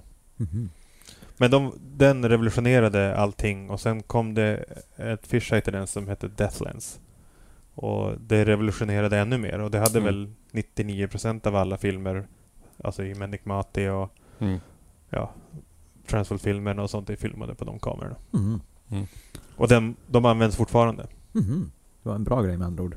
Ja, precis. Så de Mm. utvecklades men jag tror, Ja, eller du- jag vet att Jonas Son fortfarande har den. Ja. Har, du, har du kvar din? Jo, den ligger någonstans. Ja. Med fisheyet också? Fast NTSC. Är den. Ah. För att jag bodde i USA då när jag Ja. köpte min sista. Men har du hört vad de går på Ebay? Fisheye-linserna? Jag kan tänka mig att det är, Det är det är femsiffrigt i svenska kronor. tre- 30 000 har jag sett. Ja, det är inte orimligt. Ja. Men Rubbish Heap, vad spelades in med en eh, ha- handicam eller? Alltså Rubber Sheep var Det väl... väl eh. Det var väl Mm. någon slags bättre kamera på den tiden. Var det det på riktigt? Det tror jag. Jaha, för jag... Men en... Men det var, det var ju så sk- alltså skräpigt filmat. Eller vad, vad heter det? Jag Dåligt vet, du får filmat. säga till Spike Jones att han var dålig på att filma. Ja men det var ju så jävla konstiga vinklar uppifrån på Rodney och... ja. Då försökte du bara leka. Ja. Hur ska du annars göra intre- freestyle intressant liksom? nu börjar Ska vi börja avrunda? Jag tror SD-kortet gick sönder här. Jag, tror, jag tror man tyckte mer den var dålig för att den hade inget... Det fanns ingen musik och den lilla musiken som fanns var ju sådär helt värdelös. Jag tycker det var svinbra. Jag älskar Svinbra. Jag älskar det där Ducktails in, eller ja, musiken. den var väl bra. till, alltså Jeremy Klein i den delen, Mm. han var ju på Matt Hensley-nivå. Han skatade ju Ja, helt... Jävla bra den där Mm. filmen Helt sjukt. alltså. Och jag hörde någon podd om ni pratade med Ottosson eller vem det var som inte hade... Fick inte Rubber Sheep på den tiden. Mm. Men jag köpte den på Street Style på Olofsgatan. Mm. Och såg den och tappade hakan liksom. Är det 89 kanske? 89. 90. 89. 89 måste det vara. Ja. Ja. Jag tyckte det var... Ja, Jag måste se om den, den lär ju finnas på Youtube. Mm. Mm. Nej men det var ju bra. Man förstod ju inte varför... Vad heter han? Bill Wineman hade någon jävla konstig del i den där med någon rackig I, wallride i New York City. reggae music. Ja, det gör inte Mattias. Ja, nej det gör Mm. inte jag. Inte Jeff Hartzell heller. Nej. Ja, fast Jeff Hartzell var ju cool att han var med. Och Ja. Var det där Jesse Martinez har Vertrams del också? Mm. Där han eh, står och... Vad är det han pratar någonting med pengar? Att han inte tjänar så mycket pengar eller Det gör är? han fortfarande inte. Nej.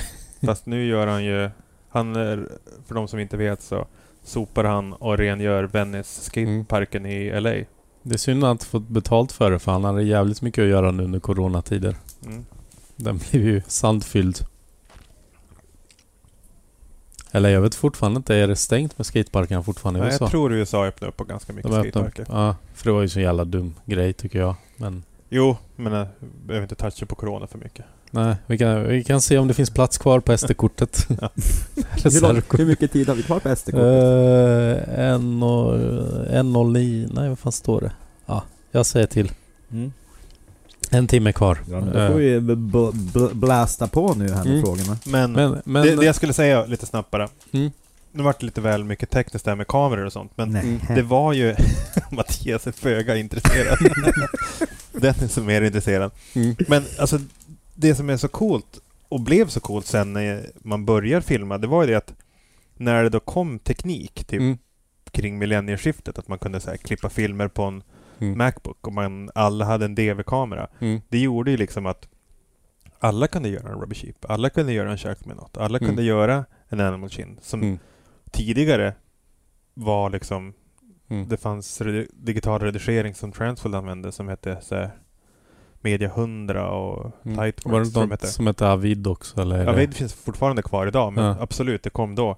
Men Ja. sådana system kostar ju en mille. Ja. Och sen kunde du klippa på din Mac för, du kunde köpa Final Cut Pro för Ja. lagligen För sen, 10 000 spänn. sen var ju iMovie jäkligt bra också. När Mac OS X kom. Ja, jag använde aldrig iMovie, men Mm. alltså det gjorde ju bara att alla kunde göra filmer. Mm. Och där hade man väl bara jävligt bra timing att man Mm. kunde vara med för att det var väldigt Mm. det är ju väldigt svårt att nå ut. Som Mm. sagt, ni kunde se min film, hade ingen aning om på en VHS i Halmstad Mm. 93. Mm. Fan tog det sig dit liksom. Mm. Och, men nu är det som ingen som tänker att det är konstigt att du ser Youtube-klipp från någon i Asien eller Malmö eller Mm. Mm. Brasilien på samma dag. Mm. Och det är så jävla, man låter ju så jävla gammal men det var ju faktiskt sjukt komplicerat att skicka ner en kopia till typ, jag menar om Gy- Gyllenberg skulle ha något material Mm. till någon film eller någonting. Så Mm. jaha, då ska man göra en kopia på det och då tappar Mm. man lite kvalitet och sen ska det gå med posten och så kommer Mm. det inte fram. Och sen har det gått en vecka och så var det inte med i filmen. Mm. Mm. Jag, mi- jag, jag minns i alla fall att eh, du hade någon snowboardgrej du hade klippt ihop. Jag tror bara var lite random clips med Michael Jackson musik. Eller Jackson 5 var det. Ja, just Blame det. it on the boogie. Den, den, det, det kommer jag ihåg. Mm. Fan, det här kommer inte jag ihåg. Eh, jag bara tänkte bort. på... Ingemar åker på en Type A, tror jag. Ja, ja, den ja. ja. Ja. Och det, det känns som... den det, var i det, en film som heter Shoot 'em Down. Mm. Ja. Där var Mattias med också. Mhm. Den kommer jag ihåg. Mm. Den gillar jag. Du har frysendel där. Ja, det du gör en fling, fingerflip. Det, ja, just ja. Precis. Burials. Gamla frysen, ja. Precis. Mm. Mm. Jimmy Jansson är med också. Mm. Så det är från en film så de tog lite parts och klippte ihop till Edge TV då. Ja, förmodligen om det var Mm. på Edge TV. Men då var det den musiken som var från filmen som hängde med. Jag tänkte bara på Ja. musikrättigheter. Det är ju helt omöjligt idag att få rättigheter känns det som. Ja, nej, på den tiden slängde man ju på vad fan man ville. Mm. Men eh, som sagt, när vi gjorde våran första film, det var väl kanske först, samma sommar som Brägård gjorde sin Brägård-filmen. Mm. Och det var också jävligt rått och bra musik och coola Mm. stockholmare och, Mm. och sånt. Och sen så försökte man väl mer eller mindre kopiera det och kanske hitta någon slags egen stil. Mm. Så småningom. Mm. Visst var Brädgården-filmen den första kommersiella svenska skateboardfilmen? Eller har jag... Det tror jag. Ja. Svårt att Jag- tänka. Varför tittar ni på mig? Ja men den har ju hållit sig jävligt bra musikmässigt och Ja, fan alla har coola kläder och coola trick och ja. det är inget tjafs. Och sen var du med G-spot-projektet också. G-spot-filmen. Vad heter den nu? Eh, G-spot Forever. Ja. Jo, så Pontus och Pascal eh, skulle ju göra J-spot-film. Jag tror det var på gång Mm. ganska många år. Mm. Men eh, när de då väl gjorde den så var det ju Fan, det var ju stor jävla premiär på Drottninggatan på Skandia-biografen och Mm. jag hade flax att få med Mm. lite 16 mm material. Ja precis. Var det inte något på Petter Eriksson? Ja, så då hade liksom- jag börjat filma för jag var ju tvungen att lära mig 16 mm där Ja. i kring. Så då gjorde jag musikvideos och sånt för att Ja. köpa kameror och investera i det. Och det var ju jävligt bra mix. Mm. Jag tror säkert det är någon 60 mm som på Ingemar och sånt också. Ja. Sen hade Pontus filmat massa bra saker. Ja. Men det var ju Pontus Pascal och en snubbe som heter Peter tror jag som klippte Ja. ihop det där. Hur, hur är det att filma med 16 mm? För du kan inte stå där i ba eh, backen eller vad du står och filmar och spola tillbaka och se om... Ja, man kan ju aldrig se vad man har gjort. Ja. Så eh, när man filmar 16 så brukar jag alltid ta med mig en liten DV-kamera och sätta på eller bredvid. Ja, som en sån... Och Ja. filma liksom statiskt. Mm. För typ när en snubbe flyger så här 30 meter genom luften över i något snöområde Mm. så vill man gärna veta om de hade bra stil i luften och sånt. Mm. För det kan inte jag se. Mm. För att det är liksom väldigt mörkt i en 16 mm kamera. Det är som att du ser genom fem par solglasögon. Mm. Och eh, det var en jävla revolution när de Mm. här HD-kamerorna och sånt började komma in och ta över 16 mm i våran snowboardbransch. För då kunde ju åkarna Mm. se. Mm. Eh, på gott och ont. Hur var det du åkte över till USA? Var det första gången du åkte över i samband med att du skulle börja filma snowboard med de här jänkarna? Men första gången var 95 och då hade man ju hört att stockholmarna hade börjat åka dit. Mm. Ylletalo kan ha varit där men Mm. definitivt typ Jens Andersson, Martin Karlsson och några andra Mm. hade typ åkt till USA. Mm. Och då hade man ju inget jävla koncept över vad USA eller Kalifornien var utan det var ju bara att åka dit och Mm. sen trodde man att man kunde ta tåget från flygplatsen till Huntington Beach men Mm. det fanns ju inget tåg. Det är som Norrland. Ja.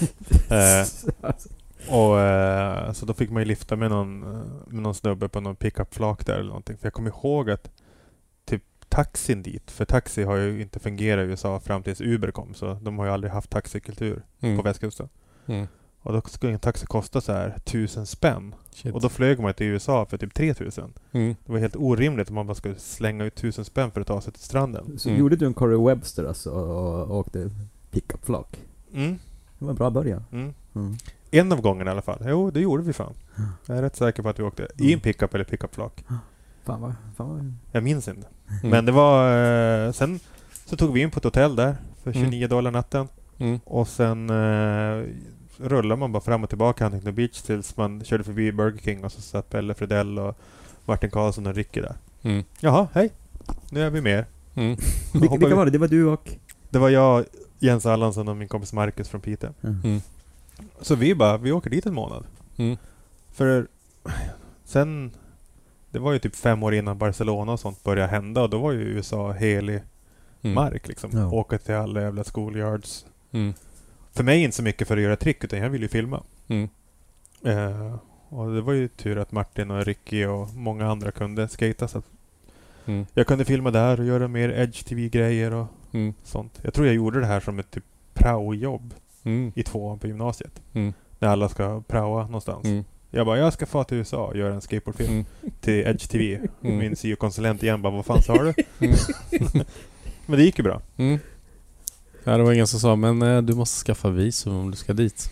Mm, nej, det var inget sånt. Du Men- sa inte det heller när de kom. Nej, men jag var bara 17 när jag åkte dit så jag fick inte ens ha alltså, Visa eller Mastercard-kort. vad syokonsulenten hade dig vid kaffeautomaten. Har du pratat med Pierre idag? Ja, han ska, han ska, han ska fatta i USA och filma skate.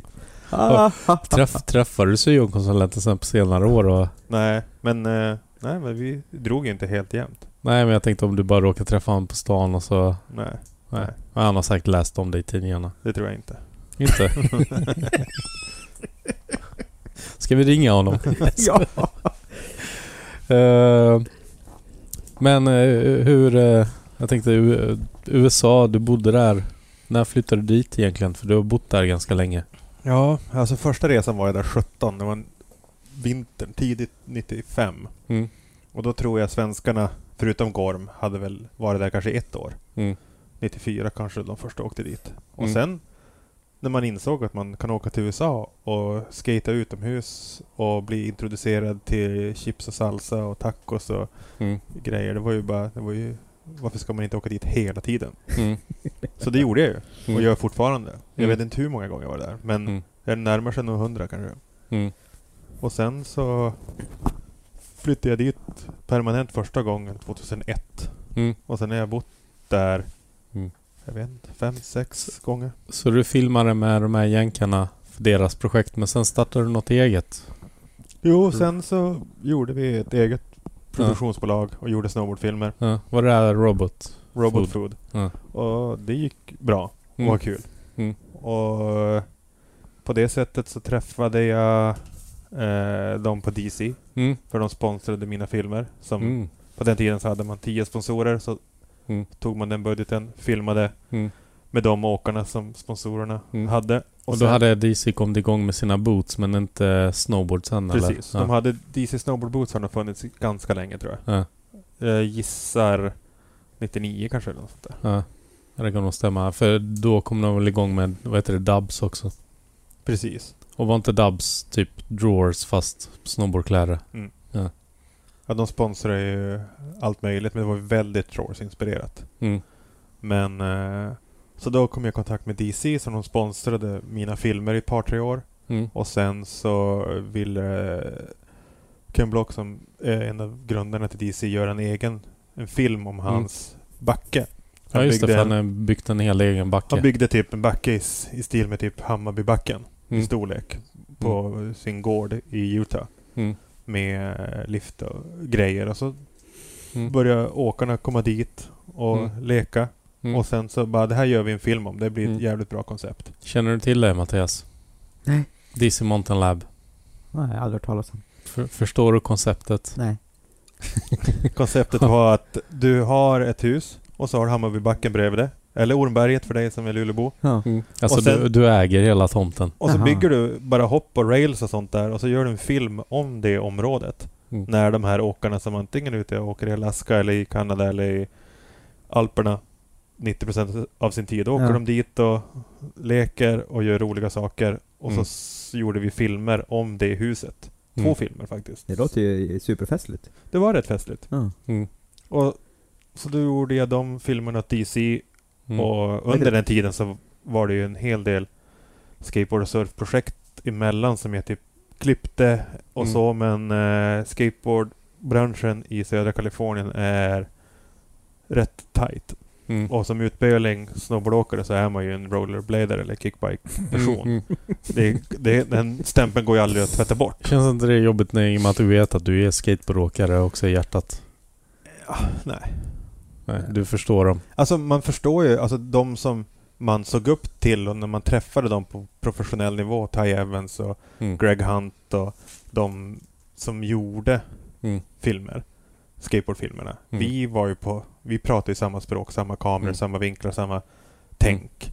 Men det var ju liksom de som Mm. åkte skateboard Mm. som aldrig skulle kunna tänka sig att få ut och filma med en snowboardfilmare. Mm.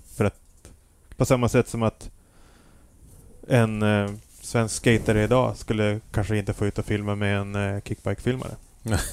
Kanske inte. Nej.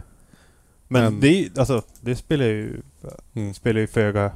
Men, men var inte ni före? Steget före med 16 mm och sånt? Kommer inte de till er och frågar ändå lite tekniska frågor och hur gör ni det här? Men, li- alltså, lite så tror jag. De hade Ja. lite sämre 16 mm utrustning. Ja. För vi som filmar snowboard var ju tvungna att ha alltså, störtsäker utrustning Mm. som aldrig kunde gå sönder. Mm. Och sen eh, skateboardfilmerna och sånt hade ju lite 16 mm och så men det var ju väldigt experimentellt. Precis som J-Spot Forever var eller Mm. någonting. Man filmar lite lifestyle och sånt. Ja. Man filmar ju aldrig...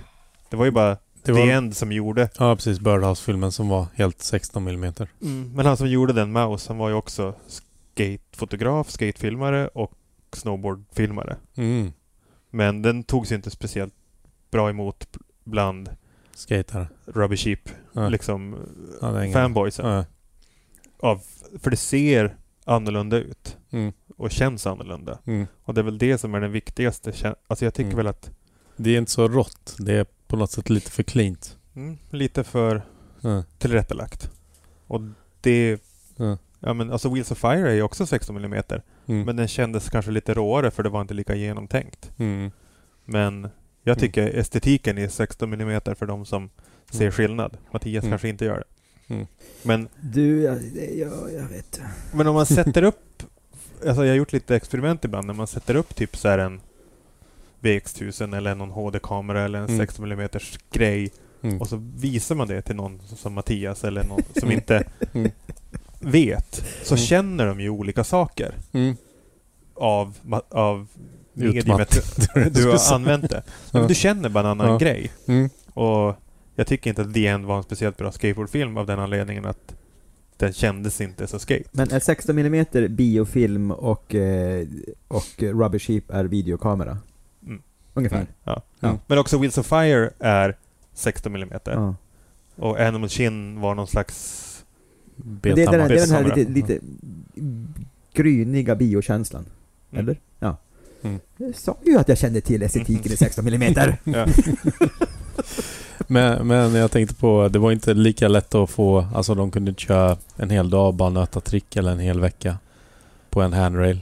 Ja, De de måste- gjorde ju det när de, för de fotade ju på film då. Ja. Så ibland, jag kommer ihåg, Mattias Ringström har ju bott i USA så Ja. länge jag har varit där. Ja. Och när han får ut och fota med typ Transworlds fotografer, då hade de ju med sig så här 100 rullar film när han skulle göra Mm. Front Foot Impossible, Linear Mm. to Tail. Alltså du menar eh, analogt Ja. fast sekvens? Precis. Ja. För det var ju, de hade ju bara ett eller två försök per rulle. Ja. Så var det bara att kasta bort dem. ja just det, det är bara att slänga, behöver inte framkalla dem. Precis. Shit, ja. Dyrt ändå.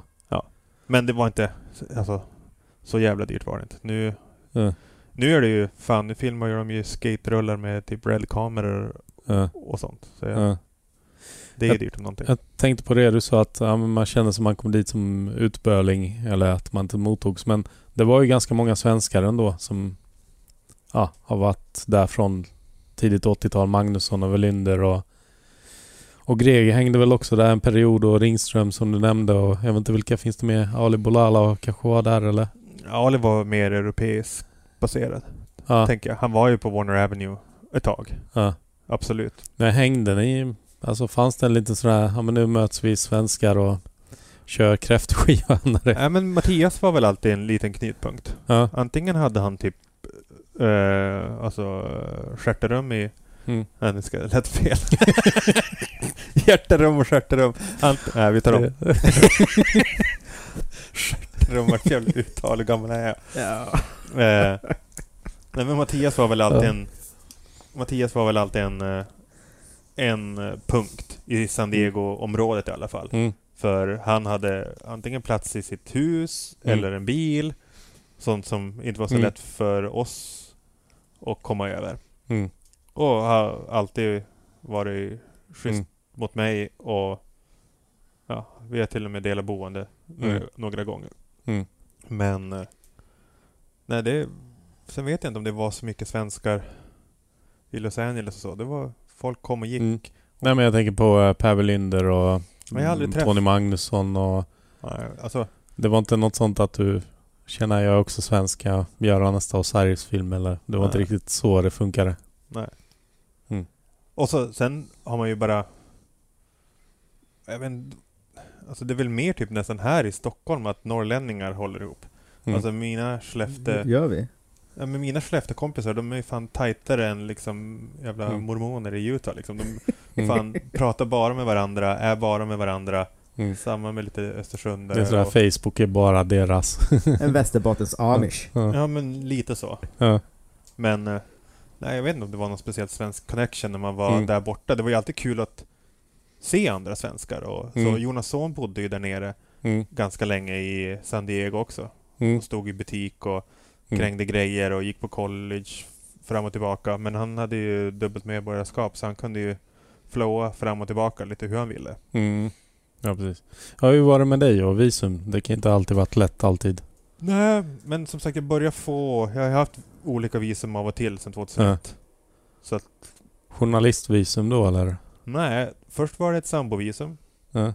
För att min dåvarande tjej 01 gick på college i Connecticut. Ja. Och då eh, började jag bo i Oregon och Connecticut och Stockholm. Ja. Och sen har jag haft arbetsvisum i flera omgångar. Mm. Och eh, sista Sån här svängen... H, H1 eller O1 var jag. O1? Ja. Person of extraordinary ability. Ja. Inte illa. Nej. Ja, jag är är du det i ett nötskal. be, låter bättre än ADHD. Min, eh, min immigrationsadvokat, eh, han sa Mm. det att ja, men vi måste... Migrationsadvokat. Alltså det går ju att tjäna pengar på det här i USA. Ja, ja. Det är väl det det Mm. kostar ju 100, 100 000 spänn att få ett visum Ja. om du ska liksom lägga fram det. För att grejen är den, du kan Mm. göra det själv. Ja. Men om immigrationspersonen som får ditt case bara Mm. ah, här Dennis, du ska flytta till USA och så tycker de att det ser lite tunt Mm. ut. Då har du bara en chans. Ja. Ja. Och har Ja. du blivit nekad Mm. den gången, Ja. då är det ju uppförsbacke resten av livet. Ja. Så därför vill man lägga fram det Ja. som advokaterna säger. Ja. För att då går det oftast bäst. Ja. That, that's a strange Ja. name, mister. Yeah, it's from ex-Jugoslavia. Ja. Jag, jag betalade... Jag, jag, jag tror jag betalade faktiskt 100 dollar för att sitta en kvart när jag var i USA år 2000. Mhm. Jag skulle flytta dit. Jag skulle bli IT-miljonär. Mm. Så kom jag dit på kontoret och i, nu ska vi se, vad heter det, San Jose. Och ja, jag skulle egentligen bara ha ett första samtal med honom och det fick jag betala 100 dollar på en kvart. Och så, ja vad tror du om mina chanser? Han bara, ja, men det här och det här behöver jag från dig. Och, och så. Men jag tror att det finns alltid liksom Många har ju antingen typ haft så här skenbröllop, gift in sig, Mm. Mm. eller gått på college, fått studentvisum och så sen Mm. när du har gått ut så kan du få så här förlängt ett år för att jobba. Mm. Och sen kan du förlänga det och så kan du förlänga det. Och så kan man snyta sig. Mm. Men det finns ju alltid vägar att Mm. få visum i USA om det är dit man vill. Mm. Och jag vet inte om... För mig har det alltid varit, från den där resan 95, Som Ja, jag vet inte hur du ska klippa ihop det här men det blir kul. ja, men från, vä- Från- vänta lite. Kan du inte bara snyta dig? Tack. Får jag göra det? Ja, det är väl det du vill göra. Gärna. Ja.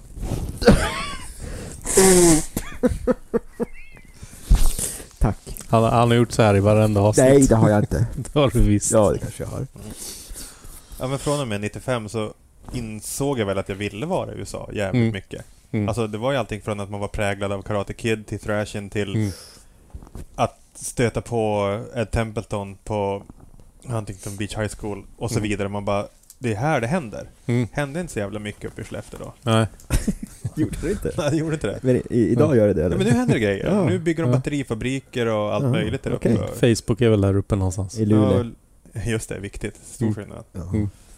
Eh, men eh, så det var ju bara liksom folk som var där hittade ju något jävla sätt att, Mm. att lagligen vara där. För det är ju Mm.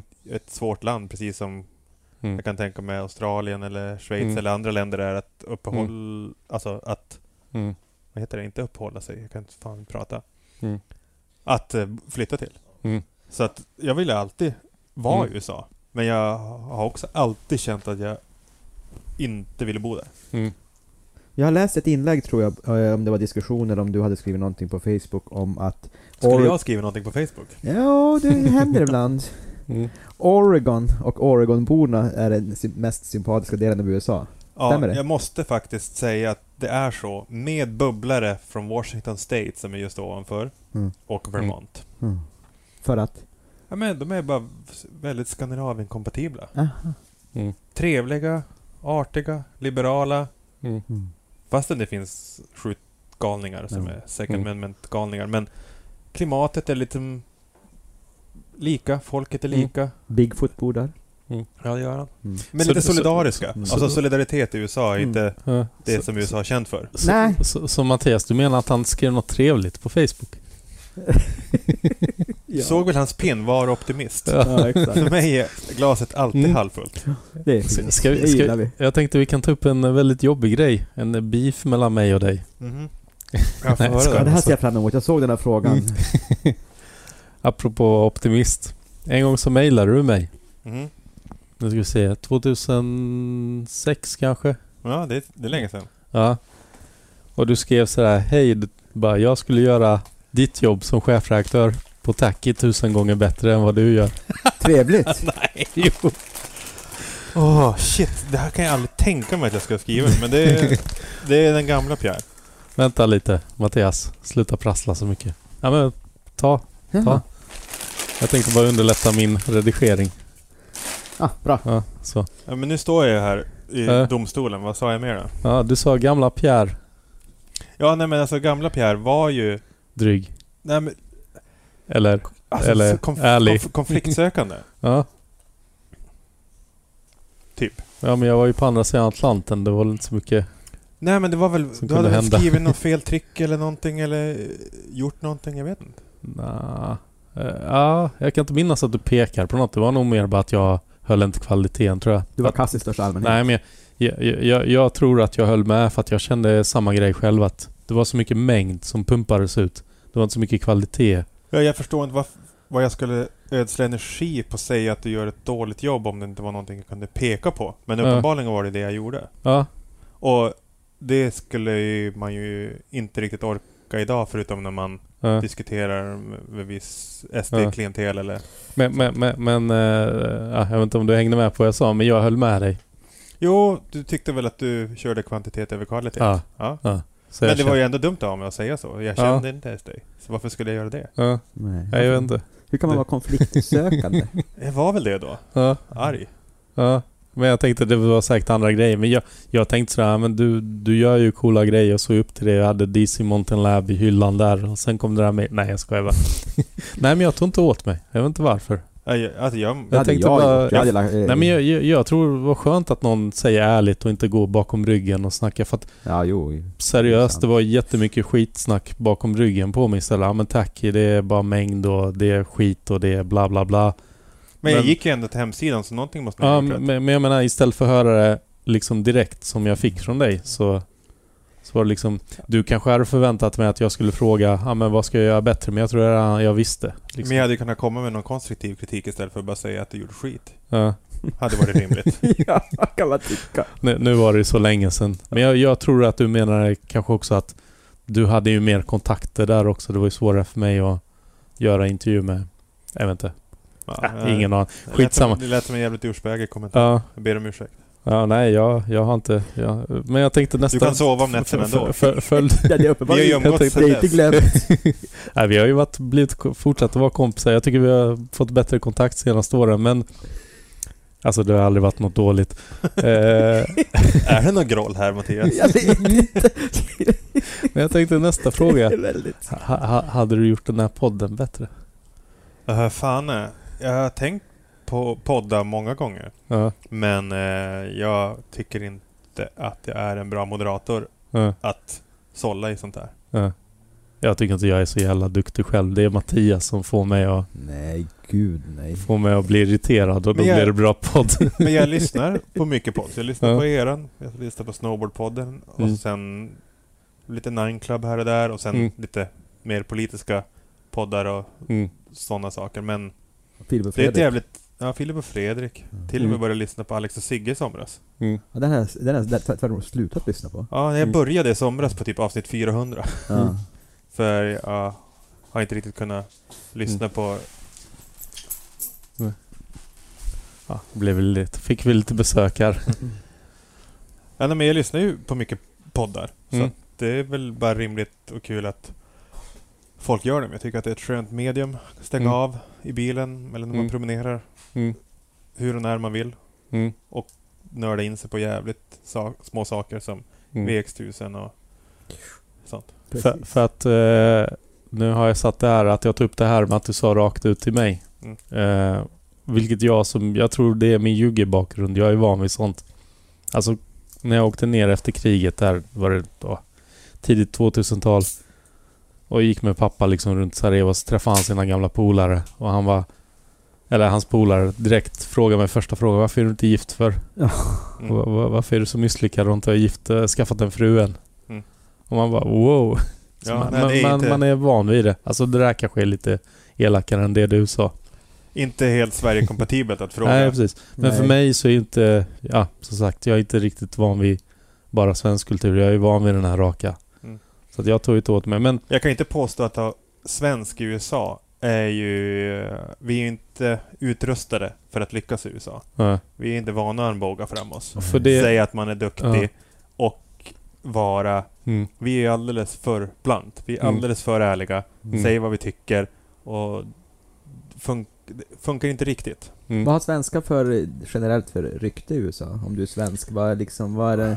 Fast det är svårt i USA, det är fan en kontinent. Ja, det är, ja. det är I Kalifornien kan vi nöja oss med. Ja, eller där in- Oregon. Nej men Kalifornien. Nej men alltså, det finns väl, alltså inom så här mediebranschen och sånt så har väl svenskar jävligt bra rykte. Det är Mm. många produktionsbolag som har klarat sig bra där Mm, och ja, kan kommunikation, design. mm.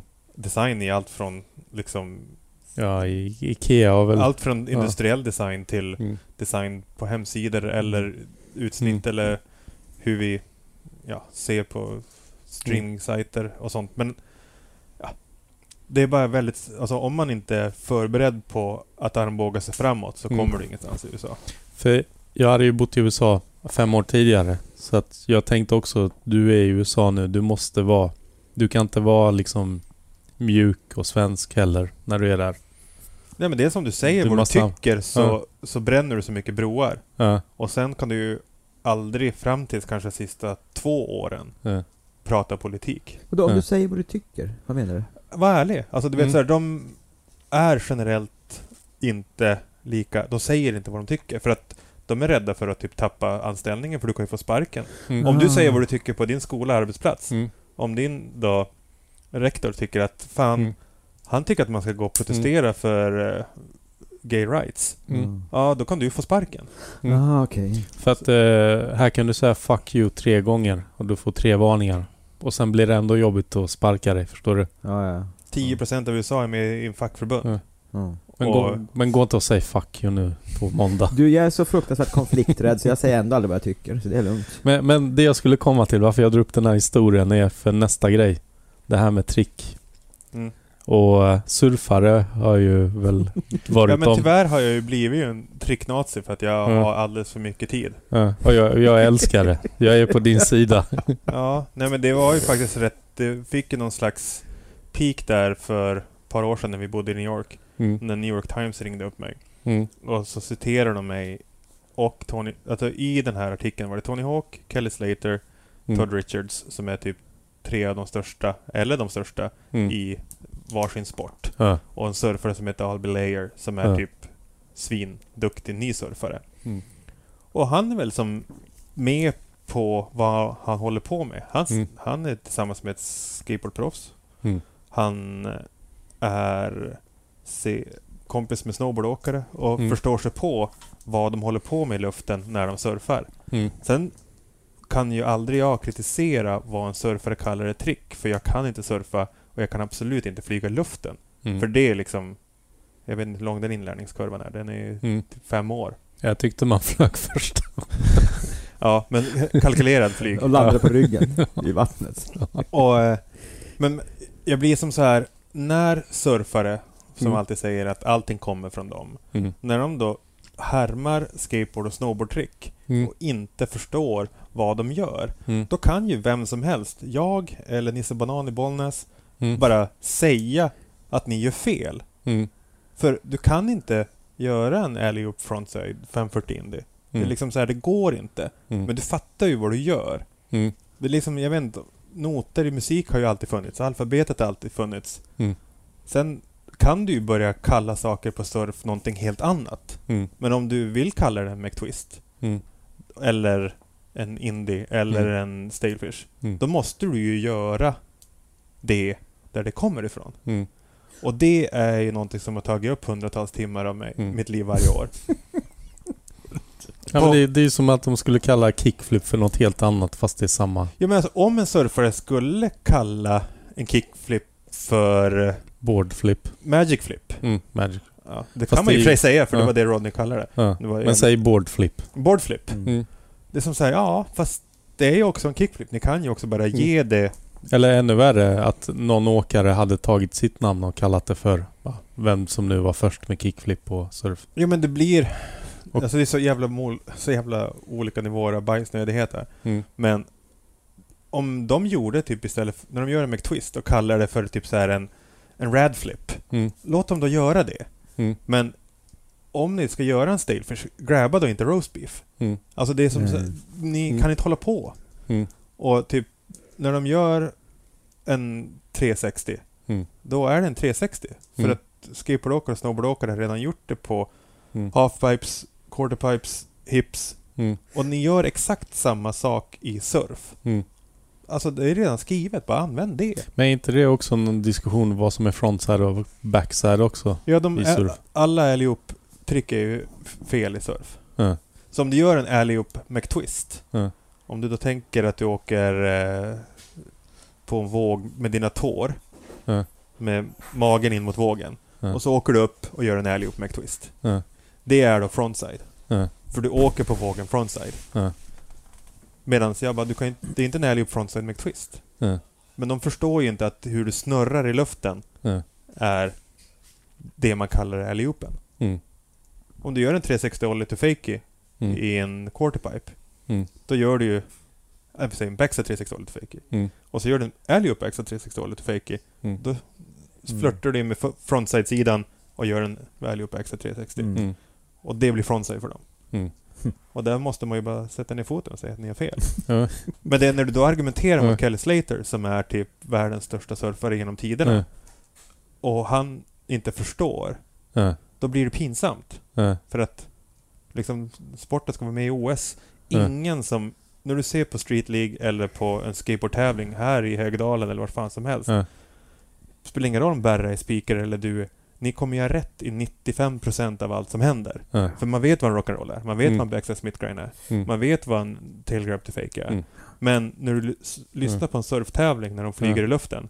Ja. Då har de rätt på 5%. Ja. Ja. Och det tycker jag bara är pinsamt. och, och, och, Men varför ringde New York Times upp undrar jag? De gjorde en artikel bara, nu går vi till botten med det här.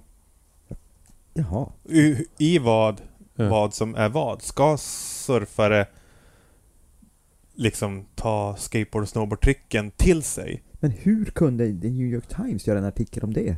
För att de tycker att det var relevant. Otroligt. Ja, eller hur? Mm. Var du förvånad när de ringde upp? Eller? Jo, men lite. Ja. Min fru skakar på huvudet och rullar på ögonen så jävla jag långt. tänkte nu är det Johan bara, Granli som busringer. ja, lite grann så. Min fru var bara liksom, "Nej, men ni kan inte ge han liksom bara mer. När var det liksom, här? vatten på kvarn. Det är typ två år sedan. Ge mig, alltså dig. Eller? Ja, alltså, ja, jag vet inte vad jag sa. Och det tar upp, det tar upp 100 timmar eh, av, av... Ja men alltså hon, alltså det är typ så här. Du kanske kunde kört en sån page, vad heter det? Sån, vad heter det? Insamling. Och släppa en bok, kan, kan, regelbok. kan du byta blöjorna här för nu, nu har jag ba- bajs. Nej, det här är... Jag, det här är en frontside. Ja, nej men alltså, jag har haft orimligt mycket tid att argumentera om sånt här triviala Mm. saker Mm. när man, som man inte borde bry sig om. Mm.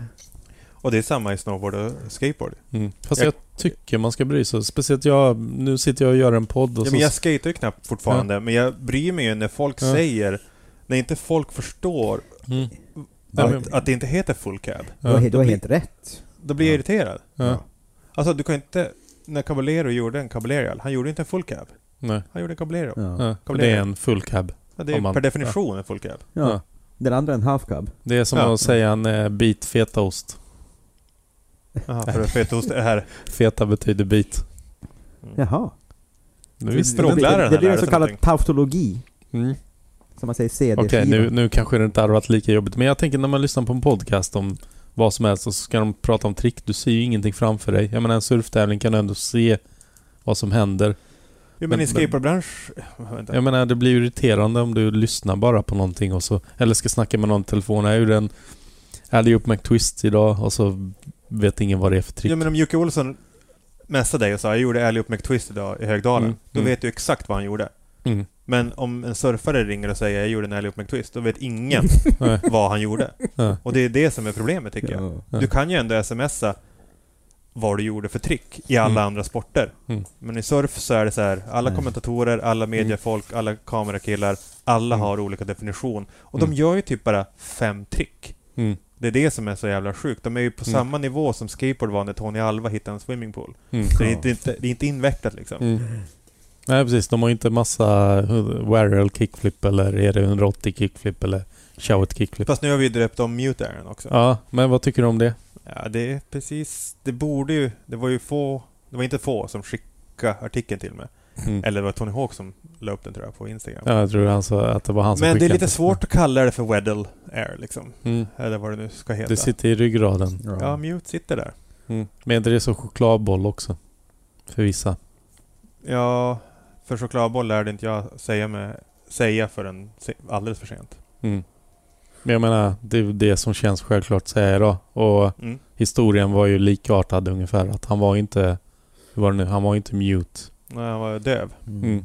Det är en Ja, det är bra så. liknelse. Alltså Mm. det är ju nice att Tony och han har kommit fram till någonting. Mm. Och att nu heter det Weddle. Typ Mm. kickflip Weddle. Men vad, vad tyckte du om när han döpte om det till Ollie North i... Nej men det gick Så. inte. Det har jag aldrig tagit åt mig. Jag har Ja. förstått det. Ja, jag också tyckte Olly det var jobbigt. har det alltid hetat.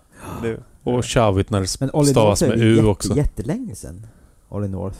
Nej, alltså i Tony Hawk-spelen är det ju... Är, jag spelar inte Tony Hawk-spelen men det Ja. borde ju... Jag borde ha blivit sur när jag såg det. Men Ja. var inte Olly North något sånt här som Ron Allen gjorde också, som det var någon sorts one-foot när brädan låg upp emot så här. Som Brandon Chefell gjorde också. Ja. Kanske, men, ja. men det är ju samma sak som alla bara, ah, landar i Primo. Primo har aldrig varit att stå på railen, som det Nej. heter. Det heter ju railen. Ja. Men, men Men Primo nu är det är ju... freestyle-snack här. Nu, Ja. ni kan inte Men hålla jag på... Nej, nu återgår vi till, vad hette kameran? X2000. Nu tar vi kisspaus. Ja.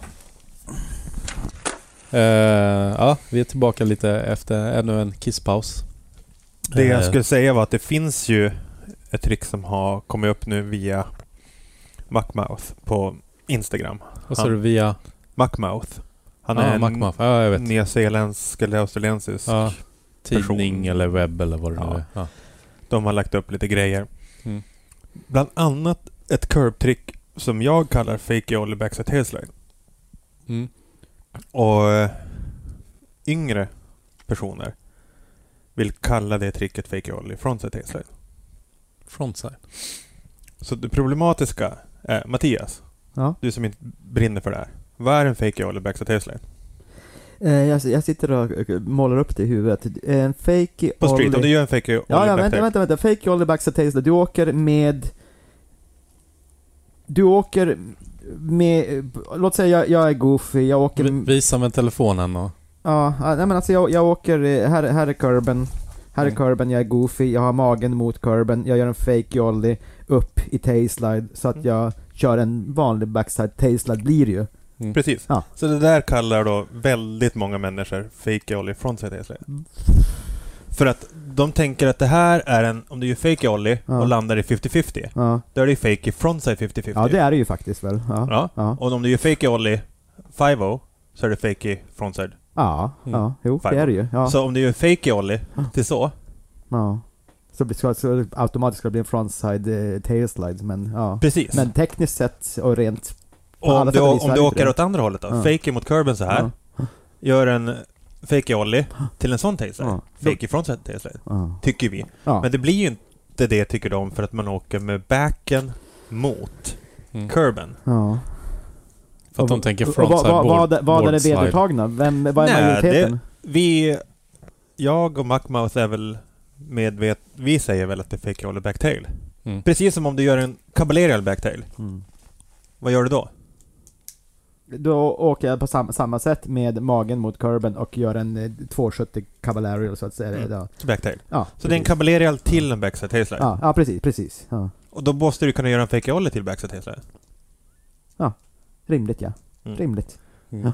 Det är sånt som det går 600 kommentarer på Mm. Instagram Men- när de skriver sånt där. Men, såg du eh, när Steve Caballero var med i Nine Club och eh, skulle förklara för alla BMX-åkare att du kan aldrig göra en half cab på en BMX? Ja men det var alla BMX-åkare blev ju sjukt butthurt. Mm. Det är lite grann som att på snowboard kallar vi ju saker ollie också. Mm. Och Och, och nollie. och nollie. Mm. För att vi gör en ollie-rörelse och en nollie-rörelse. Mm. Men fötterna sitter fast. Mm. Så det är ju bara ett jävla hopp. Mm. Varför kan man inte göra half cup och BMX för? Du kan ju inte göra nollie. Nej, nej okej då. Nej. Han kallar det väl ett fake eh, 180 bunny jump eller någonting. Mm. Mm. Bunny hop eller vad är Ja, det? ja, ja. Det låter kanske... Jag fattar att de hellre vill säga half cab. Men i snowboard har det ju det här tagit helt av. För att vi börjar ju göra så här caballerials i halfpipes. Och sen caballerial på hopp. Mm. Och sen var det så enkelt på snowboard så det var ju caballerial 5. Mm. Och det är inte så många. Typ Matt Hensley gjorde en caballerial 5 i intro till Plan B filmen Question tror jag. Mm. Fake 540 Ollie. Mm. Och sen gjorde snowboardåkarna cab 7, cab 9, cab 12, cab 14, Mm. cab 16. Mm. Inte för att det var den som är den, men om vi har så kort tid kvar, ska vi gå vidare? Mm. Kanske? Du filmar ju ganska mycket för DC eh, och du gör det fortfarande eller? Har jag förstått det rätt med Ken Block? Alltså med tanke på att DC sponsrade snowboardfilmerna. Mm. Sen gjorde jag snowboardfilmer åt dem. Och sen så började jag filma rally Mm. med Ken Block och Travis Pastrana som var DC Mm. motocross-kille back in the day. Mm. Så har jag ju faktiskt filmat bilar, rallybilar i 15 år nu. Mm. Så det är typ det jag gör. Mm. Men jag gör det inte utan att jag gör lite skateboard och snowboardprojekt åt Jag dem tror du skulle också. säga utan att komma hem och gråta på toaletten i en kvart. Nej, men gillar du det? Gud ja. Alltså, Mm. grejen är den att Ken är en jävligt inbiten skatare och snowboardåkare. Men Mm. inte... Alltså han vart aldrig bra skater eller bra snowboardåkare heller. Mm. Han är väl... Han är bättre snowboardåkare än mig. Mm. Men eh, han var Vänta, vi kanske ska förklara för lyssnarna att det var ju eh, han och eh, Damon Way, alltså Danny Ways storebror som startade DC. De startade 8 Clothing Yeah. Ja. i Vista där Mm. Matt Hensley och alla bodde och så startade de Drawers. Mm. Och så startade de DC Shoes som är Drawers Clothing Shoes. Mm. Och sen eh, eh, har jag jobbat dem av och till sen 2001 eller 2002. Mm. Ken Block Mm. heter han. Ja. Och han var faktiskt här för några veckor sedan. Mm. Vi var och filmat rally Mm. uppe i, i Värmlandsskogarna. Mm. Det var ju DC när Ken var här sist. var ju när de körde DC Superstore Tour och sånt med 97 Keith Höfnagel och 97 eller var det? Ken 96. Gale och Ja. Rick Howard och Carl Mm. Shipman kanske var här. Mm. Det var ju, DC var ju jävligt stort då. Mm. Men hur fan, hur fan filmar man rally? Är det inte bara boom, boom? Jag menar, vad finns det att filma? Ja, Bilarna men kör ska väl försöka i 100 knyck? Varför var inte du med i James Holms avsnitt också? Jag ska försöka få vet in du hur det. man filmar rally? Man kan inte skata efter med... med Men, men jag kan nog tänka mig att du har en annan infallsvinkel än andra som filmar rally. Eller Ja, bilar. Ja, men Precis alltså som när, James. Ja. när DC började film... När DC Shoes började med rally 06 eller 05. Mm. Då var ju jag på radarn för att jag filmar ju ändå snowboard. Mm. Och typ snowboard, då flyger du vänster till höger och du går fort och sen ska man paketera det på något slags sätt så att det ser intressant ut. Mm. Och det har jag tagit med mig in i rallybranschen för som SVT filmar liksom Svenska rallyt är väl inte någon estetik som går att sälja Mm. till alltså någon konsument. För Mm. det är bara inte intressant. Mm. Så Ken gjorde ju en karriär av att sladda med sin bil. Mm. Och det kallas Gymkhana. Mm. Och då får man precisionssladdar runt saker. Alltså det, det är ett tricknamn eller? Det är liksom aktiviteten. Det kommer Ja. från hästhoppning. Gymkhana. Gymkhana. Ja. Alltså hästar gör det. Alltså det är så här, du kör en loop. Jag vet inte om det är på tid eller om det är precision. Så det är kanske lite grann av båda. Mm. Eh, och så börjar han göra det med sin rallybil. Mm. Och nu har vi gjort liksom över 10 filmer och har, jag tror vi har 600 miljoner views på de 10 filmerna. Mm. Så varje gång vi gör en sån film Mm. så blir det liksom en viral Mm. succé och har Mm. blivit det i 10 Mm. år. Jag har inte varit med på alla 10 men Mm. Nej men jag har sett eh, Feber till exempel dyker upp och så tänker man ja men du har säkert gjort den här också. Så när Ken vill göra någonting i snön så är jag oftast en go-to-kille för att jag Mm. filmar snowboard och så sen ska han flyga med någon bil eller köra fort med någon bil. Och sen tycker han väl vi som kommer från skateboard och snowboard bakgrunden kan paketera Mm. bilkörning eh, mycket snyggare än Mm. andra. För det var ju inte en industri när han började sladda och vi började Mm. filma rally.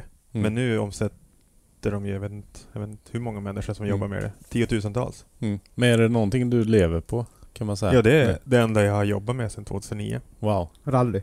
Mm. Eller inte specifikt just rally, men att filma hans bil. Mm. Mhm. Sen 2009. Mm. Ja. Det är annat än ditt lärarjobb. Jag ser hur du bara tittar och tänker hur, hur Nej men som sagt, det fanns ju Mm. inte många som, eller någon som Men gjorde fan, Jag det. vill inte filma rallybilar. Var, var, var person på sin plats. Men Youtube var ju, alltså nu är Youtube så jävla bra business att de tjänar ju pengar på alla avsnitt och sånt. Mm. Så nu när han var i Värmland och far och sladdar med sin bil, Mm. då gör vi ett Mm. 18 minuters avsnitt och så tjänar de pengar på det. För Mm. att de får ju typ 8 miljoner views när han far och sladdar med en bil i Värmland. Mm. Så det är ju en business. Fan, jag kanske ska ge dig lite mer stickers här. du kanske sticker upp på hans bil nästan. Men ja, ja, ja, ja det, jag fattar inte. Det här är liksom, Nej. det, det är sån... Ja. Ja, men jag kan skicka en länk till Jack så kan han få kolla på bil som får rakt fram och tillbaka. Det är Ja. jävligt populärt bland unga kids. Ja men, ja, men Mm. gör det. Skicka länken för jag, jag, Ja, jag, ja. jag förstår men, inte. men du som har barn, Ja. eller det har ju du också men lite yngre. Eh, har inte du sett att de tittar, kidsen tittar på andra kids som håller på och bara bygger lego eller någonting? och gud, sådana här ja. Ja, konstiga så här, eh, filmer. Det finns en unpacking-filmer. Det är en Ja. unge där som tjänar en miljard kronor eh, i minuten på att plocka upp lego liksom. Ja. Men, men ja, men, hur- men, just, hur- men just det här, han, han, han, ja. han kollar på, nej, han kollar Ja. på barn som bygger, bygg lego. Ja. Han vill kolla på det här barnet som Ja, bygger och, lego. och, och, och, och som Ja. kid så tyckte man bilar var häftigt. Då är ju det perfekt att kolla på en sån film. Ja, ja, Men det varenda gång man är på en, en rally-shoot, då får man ju en lista med bekanta som vill ha autografer till sina kids. Alla Mm. under 13 liksom. Jaha. Mm. Men det är ju, har ju blivit liksom min karriär och det är så jag Mm. har Men filmat. måste, jag måste få in Jack på det där så kan jag skryta med att jag känner dig så att jag Mm. får högre status i familjen. Mm. Mm. Vi vart ju faktiskt till och med Emmy-nominerade förra året. Mm. för ett program vi hade gjort. Ja. Och det är ju jävligt långt från Riksgränsen, Ja. handicam, snowboardhopp till en Mm. Emmy-nominering. Men det finns ju faktiskt en röd tråd där. Mm. Speciellt Ingen har ju faktiskt åkt snowboard för Camp Rocks snowboardföretag Taipei också. Mm. Ja, just det, just det. För det var ju lite Plan B. Plan B snowboardmärke. Ja, just det, just det. Stanley Way åkte för det också. Ja. Så eh, Ken och Ingemar kände ju varandra mycket långt innan vi Mm. kände varandra. Mm. Jag tänkte hoppa lite. Vi har ju cirka sex minuter kvar av SD-kortet. Aldrig haft en sån här tidspress i podden innan. Eh, men eh, du skadade ju nacken. Det har vi inte pratat om alls. Det var en ganska stor grej tyckte jag. Jag vart ju ganska skärrad Ja, det var på min, höra. på min mammas födelsedag 2005. Ja. Så var det en kille som blev inbjuden till det här Mm. Hammarbybacken. Mm. Aktiga backen Ja, som vi hade i Utah. Mm. Och eh, han skulle visa upp sig vara lite tuff inför alla som var där. Mm. Och Anders Neumann var faktiskt med från och Jakob Wilhelmsson och Hampus från Sverige. Mm. Så de var där och bara hade, vi var lediga den dagen. Mm. Så den här snubben hoppade, hade inte riktigt koll på vad han gjorde och så landade han på min tinning och bröt av nackkotan. Aj, aj. 100 procent. Men vad, vad, vad hände? Alltså, du, du får honom på dig och sen så... Jag får honom, jag får honom på mig, snurrar Mm. runt, har hyrt en eh, filmkamera Mm. utan försäkring som kostar en miljon som jag har i handen också. Åh jäklar. Ja. För att jag, behövde, jag kunde inte ta försäkring och jag skulle inte göra någonting med den. Ja. Men den klarade sig. Ja. Jag föll ner och då kände jag liksom att det här är fel. Ja. Och då rörde jag fingrar och tår. Ja. Och när jag kände att jag kunde använda tårna då var jag ganska lugn. Ja. Men då låg jag ner i typ 30-40 minuter För du, innan. du förstod att du skulle ligga still och inte röra på Ja, det? precis. Så jag låg bara still i typ 30-40 minuter men det var ju på snö. Så de började ju lägga och grejer och sånt mellan mig och snön så att jag inte skulle bli kall. Ja. Alltså han kom på snowboard. Så han hoppar väl en, Mm. inte superlångt men det är liksom Mm. 30-40 knyck liksom Ja. rakt in i skallen. Och när du inte ser det så Ja. den vred ju bara av nacken så min stora nackkota, jag kommer inte ihåg vad den heter. Aj. Den bara delades i två. Ja. Och de sa det sen, hade, det, hade jag liksom rullat ner och så Mm. fortsatt i landningen där jag låg, Mm. eller försökt ställa mig upp och någonting, så hade nackkotorna kunnat gå omlott om varandra och då knipsar du nerven och då är du Mm. förlamad. Mm. Shit. Det känner inte jag till. Jag visste, jag, visste inte om det. Alltså det var, det var ju ett dåligt år, men sen då bytte jag, jag vart på benen rätt fort. Kroppen... Du, rev- är, du är helt återställd från det eller? Ja, det tror jag. Ja. När var det här? När var det? 05. 05? Ja. Men jag hade liksom 05 så gjorde jag det och 07 så fick jag tumörer. Så då Mm. var jag för tvungen att operera mig för det. Så typ Mm. de åren när jag var, det var i... Eller på var? halsen. Halsen. Ja. Så att man fick ju sen 13 tankeställare Ja. om sådana där saker. Och jag fick Ja. samma tumör som exakt samtidigt som eh, MCA i Beastie Boys fick den. Exakt Ah, samma tumör shit. och han dog. Ja. Och inte jag. Ja. Så att du, vi hade gemensamma bekanta där och så vi berättade vad, vad vi hade. Och så fick jag höra att han hade samma tumör och sen fick jag bara höra att han dog. Och då får man ju så lite tankeställare. Och då började Ja. 07 började då kände jag att nu flyttar jag nog till Sverige. Du kände Ja. att livet är för kort för att eh, skicka dissa tackredaktörer? Ja men då hade jag ju dissat Dennis redan så det här var ju 07 så det var nya Pierre kom då. Gamla Ja. arga Pierre var innan det. Ja, jag är ändå Nej. glad, glad att du sitter här Ja, gud med ja. oss. Men då kände du, du flyttade till Sverige på grund av det, eller? Men lite grann, man Ja. tänker så här, fan ska jag göra i USA? Jag, liksom, här, blir, här ska jag aldrig bli kvar. Nej. Så att, sen flyttade Mm. jag till Sverige och sen är det jävligt svårt att vara kvar när du har fått lite känsla för det där livet. Det är svårt att gå omkring på Hornstull Mm. liksom i december i slask. Mm. När du vet att du kan bara åka till San Diego och bo gratis och äta tacos. Mm. Så då blev det så i några år också. Mm. Mm. Eh, vi har knappt tre minuter kvar. Oj. Eh, ja, vi har ju massa andra frågor. Jag vet inte, du får komma tillbaka i podden någon gång på något sätt. Um, Vi kanske kan ha säga, ett, kan vi inte formatera det andra kortet? Eh, ja, är det så att vi inte kan det så... Så jag klipper ihop det på något sätt. Mm. Okej, så nu eh, testar vi det här gamla SD-kortet igen. Vi har formaterat om det. Men vi, Eh. tar vi det då innan de här två avslutande frågorna när det varit lite bråttom eller? Ja, Vart precis. Vi, vi, vi kör lite frågor. jo, jag tänkte på en grej som jag glömde fråga dig om den här med nackskadan. Han som körde på dig, hade han ångest eller hur? Ja, Sam hette han. Ja, eller det är klart han hade ångest. Han gick väl inte därifrån och bara oh, fuck you liksom. Nej men de var ju liksom på en privat snowboardpark liksom. Mm. Där han inte borde ha varit. Jag Och menar att absolut han inte- borde varit... Han var ju inbjuden av en kompis kompis. Ja, samma. För ja. Det var ju liksom, Mountain Lab var ju som ett barracks mm. för snowboardvärlden. Mm. Så de som fick vara där var ju inbjudna. Mm. Och då finns det väl vissa, vissa etik och moral. Mm. Du får väl kanske inte sladdra in i Andrew Reynolds eller kosta honom du är på The Barracks. Mm. Och du kanske inte far och hoppar och landar på filmaren i The Barracks om du är där Mm. för första gången. Mm. Och det var det han gjorde. Mm. Så, eh, men på typisk amerikansk maner var det första han sa bara You can hit me as hard as you want.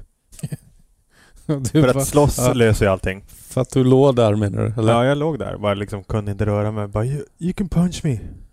Men han måste ju varit lite chockad också. Säkert, men det är inte orimligt. För Ja.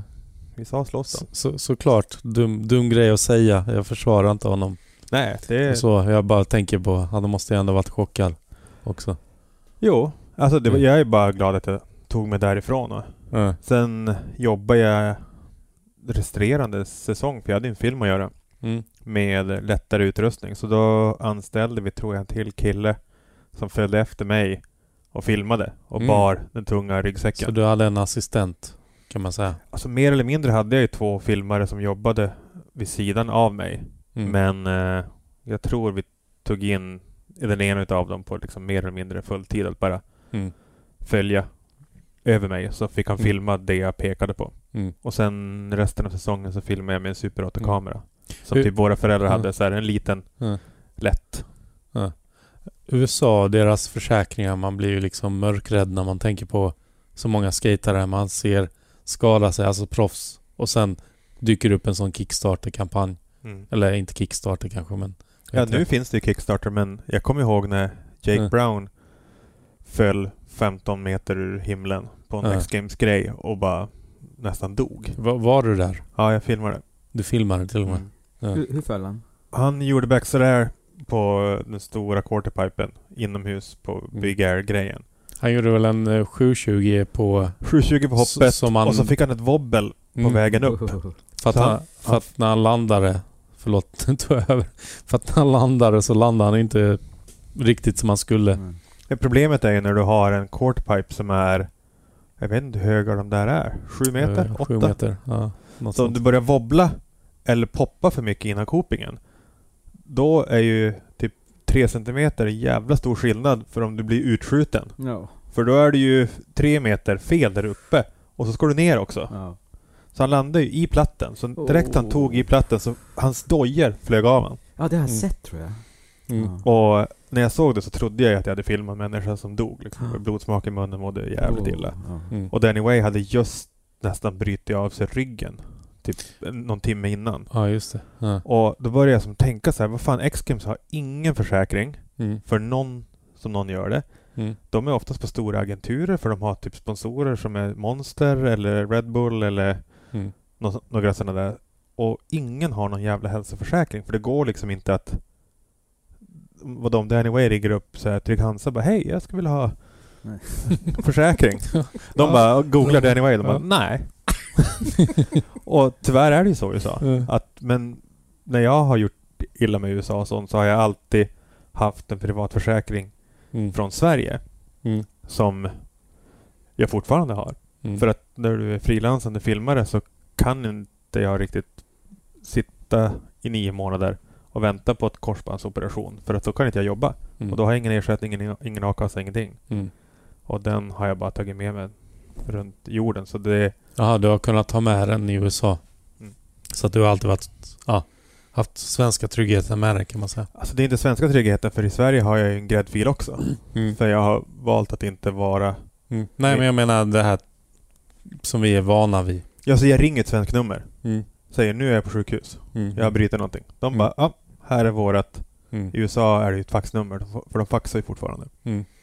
Och så kommunicerar de och sen Mm. har jag aldrig sett en räkning. Mm. Och det är ju väldigt få förunnat.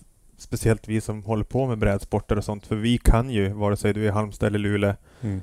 vi kan ju hålla på och flumma runt på en skateboard och slå sönder knäna och sånt. Men det kan ju inte kids i USA. Mm. Och det är väldigt tråkigt när man ser. Jag har sett en mamma sitta gråtandes en gång utanför skateboardparken för att hennes unge hade cyklat BMX och slagit sönder knät. Mm. Och nu kommer ambulansen och hon bara, nej men nu tappar vi våran försäkring. Nu Mm. måste han sluta cykla BMX. Han var typ Mm. 11 bast. Mm. För att de har inte råd Mm. att ha kvar försäkringen. Jag hörde den om Pat Duffy när Bob Burnquist berättade om benet när han hade trillat också sådär på megarampen. Alltså benet hade ju Ja, bara... Pat ja, flög över, han landade ju platt också va? Ja, han sköt ju ut precis som eh, Jake Brown. Mm. Och bröt benen och ryggen. Jag tror det öppnades upp här eller någonting. Min trasiga armbåge finansierar ju delvis vårt bröllop Ja. genom försäkringen. Ja. Men, men det som hände med Pat är att han säger nej, ring inte ambulansen, det kommer kosta för mycket. Ah. Så de tog honom i bilen istället. Alltså man bara...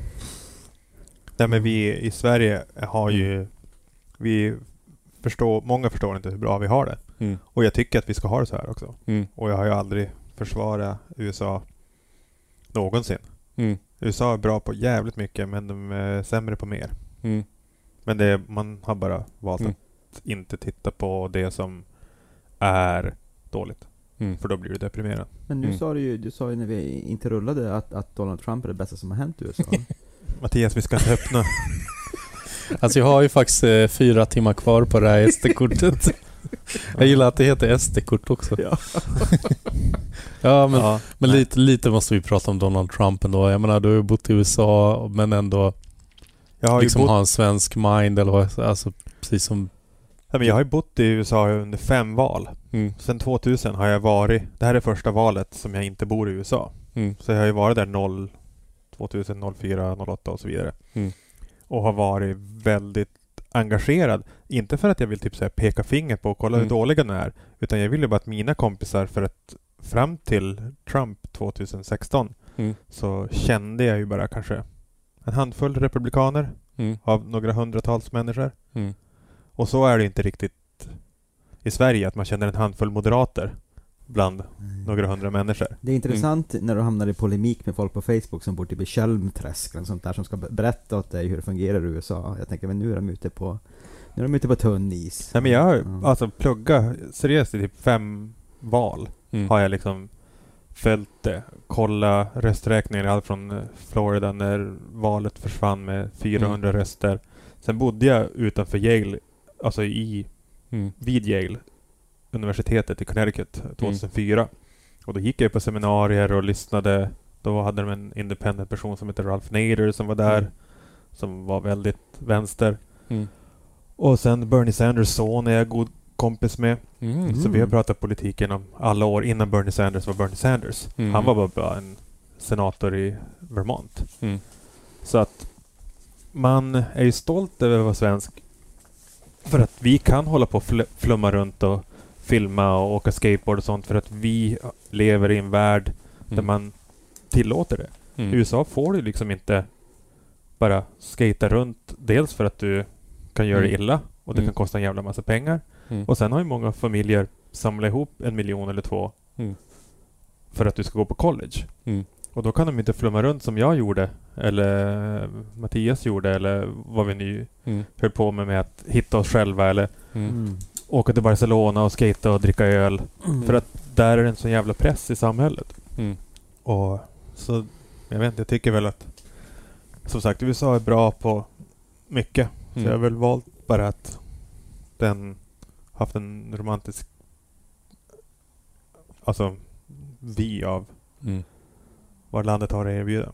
Mm. Men nu med Trump och allt vad som händer. Jag har ju alltid respekterat republikaner fastän det är svårt. Mm. Ehm, men eh, nu går det liksom inte. Mm. Och det ja, det blir jävligt svårt. Alltså det känns som, jag vet inte om du har sett det, I, vad heter den? Idiocracy-filmen. Mm. Nej men alltså det, det, Det det, bara det, känns är, så, det är så Absurt. långt och tråkigt politiskt hål att gå ner i. Men om ni ser mig på gatan så kan vi surra om det.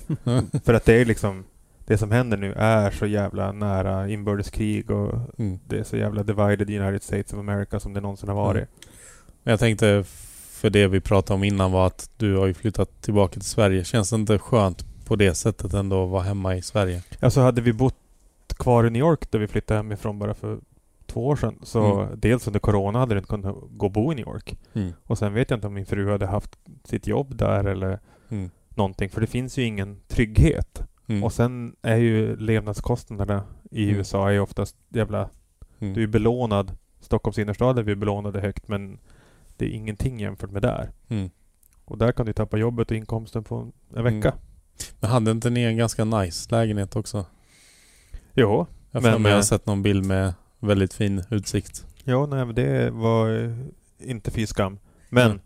som sagt, att leva i Brooklyn med alla andra människor som har blå ögon och vit hudfärg Mm. och sånt är liksom på låtsas. Mm. Det är inte det riktiga New York. Vi hade kunnat välja att bo i Queens eller någon annan sämre del av Brooklyn. Mm. Men det gjorde vi inte. Mm. Utan vi gillar ju att det är en Apple-butik och en Whole Foods och en Blue Bottle Coffee Shop på hörnet. Mm. Det är så gentrification deluxe. Mm. Och det är ju fan... Ja, det, är, det är en dyr stad att bo i. Men Mm. det är en jävligt... Det är trevligt också. Mm. Men sen har jag en helt annan romantik till Kalifornien och skateboard och sånt. Mm. New York är någonting annat. Mm. Att flytta dit när jag var 40 var väl... var inte riktigt rätt år. Vad sa du? Det var inte? Nej men det var jag för gammal. Ja. ja. Alltså det var då vi började tänka på familj och man började säga ja, dagis här kostar 25 000 i månaden plus måltider.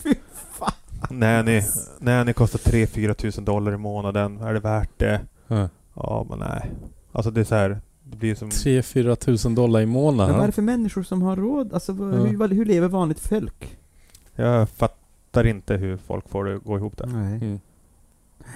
Alltså det är ju billigare att bo på hotell Ja. än att bo hemma. Galet. Är, är det folk som gör det istället? Jo, på gott och ont, men det blir lite dålig stämning på de hotellen. Men absolut, det finns ju hotell där du kan bo billigare än i lägenheter.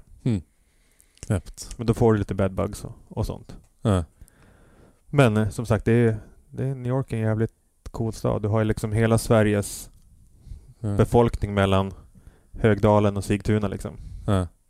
Man är ju på något sätt uppväxt med, ja, från tv allting. Allt från Ghostbusters-filmerna och, ja, jag kommer inte på något mer. Vad finns det mer? Karate Och, Kid. vad finns det mer i New York? Wu-Tang? Bill Cosby. Ja, alltså vi säger så här, Bill Cosbys eh, version. York, ja. Jag håller med, jag har, sagt, jag har faktiskt tagit upp Bill Cosbys variant av Brooklyn Mm. som vi växte upp med. Mm. Eh, och de husen som han bor i och Mm. jobbar i och det området, det är ju liksom Mm. Vi snackar inte topp 1 procenten utan det är liksom Mm. en 10 procent av den procenten. Men var inte det en politisk strategi att framhäva att kolla här, man kan faktiskt vara en... Ja. Förmodligen. Men typ nu när man går förbi det, bara, ja men det här är typ så här de spelar in Cosby, det ska vara på den här gatan. Mm. Och det här huset kostar 26 miljoner. Mm. Jaha. Jo.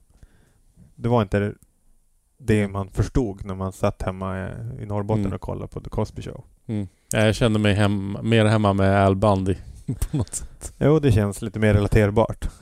och sen, eh, sen gick det inte så bra för Bill Cosby heller på det privata Nej. planet. Nej. Men det är en annan historia. Nej, det gick bättre för Al Bundy. Eller vad heter han? Ed O'Neill. Ed O'Neill. Ja. Ja, det går bra för en i Modern Family i alla fall. ja. Mm. Vad, vad, vad gillade du Mattias? Cosby eller Ed, Al Bundy? Eller Jag du gillar? Fawlty Towers. Jag gillar Fawlty Towers. Alla sex avsnitten, eller hur många det nu var. jag tror, fan är det inte, är det inte nästan 12 eller 8? Mm. Ja, det är få.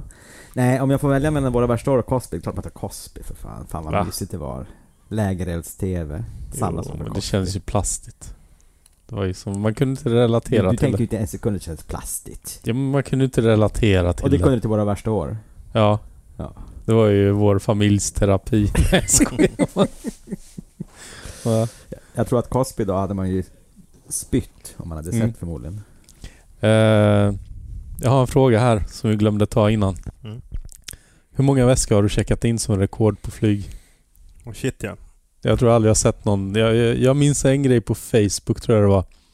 Där du hade tagit bild på alla dina väskor du hade på Arlanda och sen frågade du kan någon komma och hjälpa mig? Ja. I centralstationen. Mm. Det var tåg faktiskt. Tåg var det. Det var ja, tåg- så det var var det. tåg den gången. Ja. Då var det nog 16-20. ja. Men då flyttade jag. 16, 20. Då flyttade jag. Men på flyg så är det ju alltid fyra eh, Ja. väskor. Fem Ja. oftast. Men hur bär du dem till? Alltså, ja, nu får man ju bara ha ett handbagage på flygen på grund av Corona för det tar så lång tid i Mm. kabinen. Men jag har alltid två handbagage. Mm. Och det har ju alltid varit en diskussion. Och Mm. sen har jag alltid två till tre väskor varav en är en snowboardväska som är 1,70 lång. Mm. Och det är alltid en diskussion. Mm. Sen har jag väl haft hyfsat status på de flesta flygbolagen så att det går ju oftast att flörta till sig.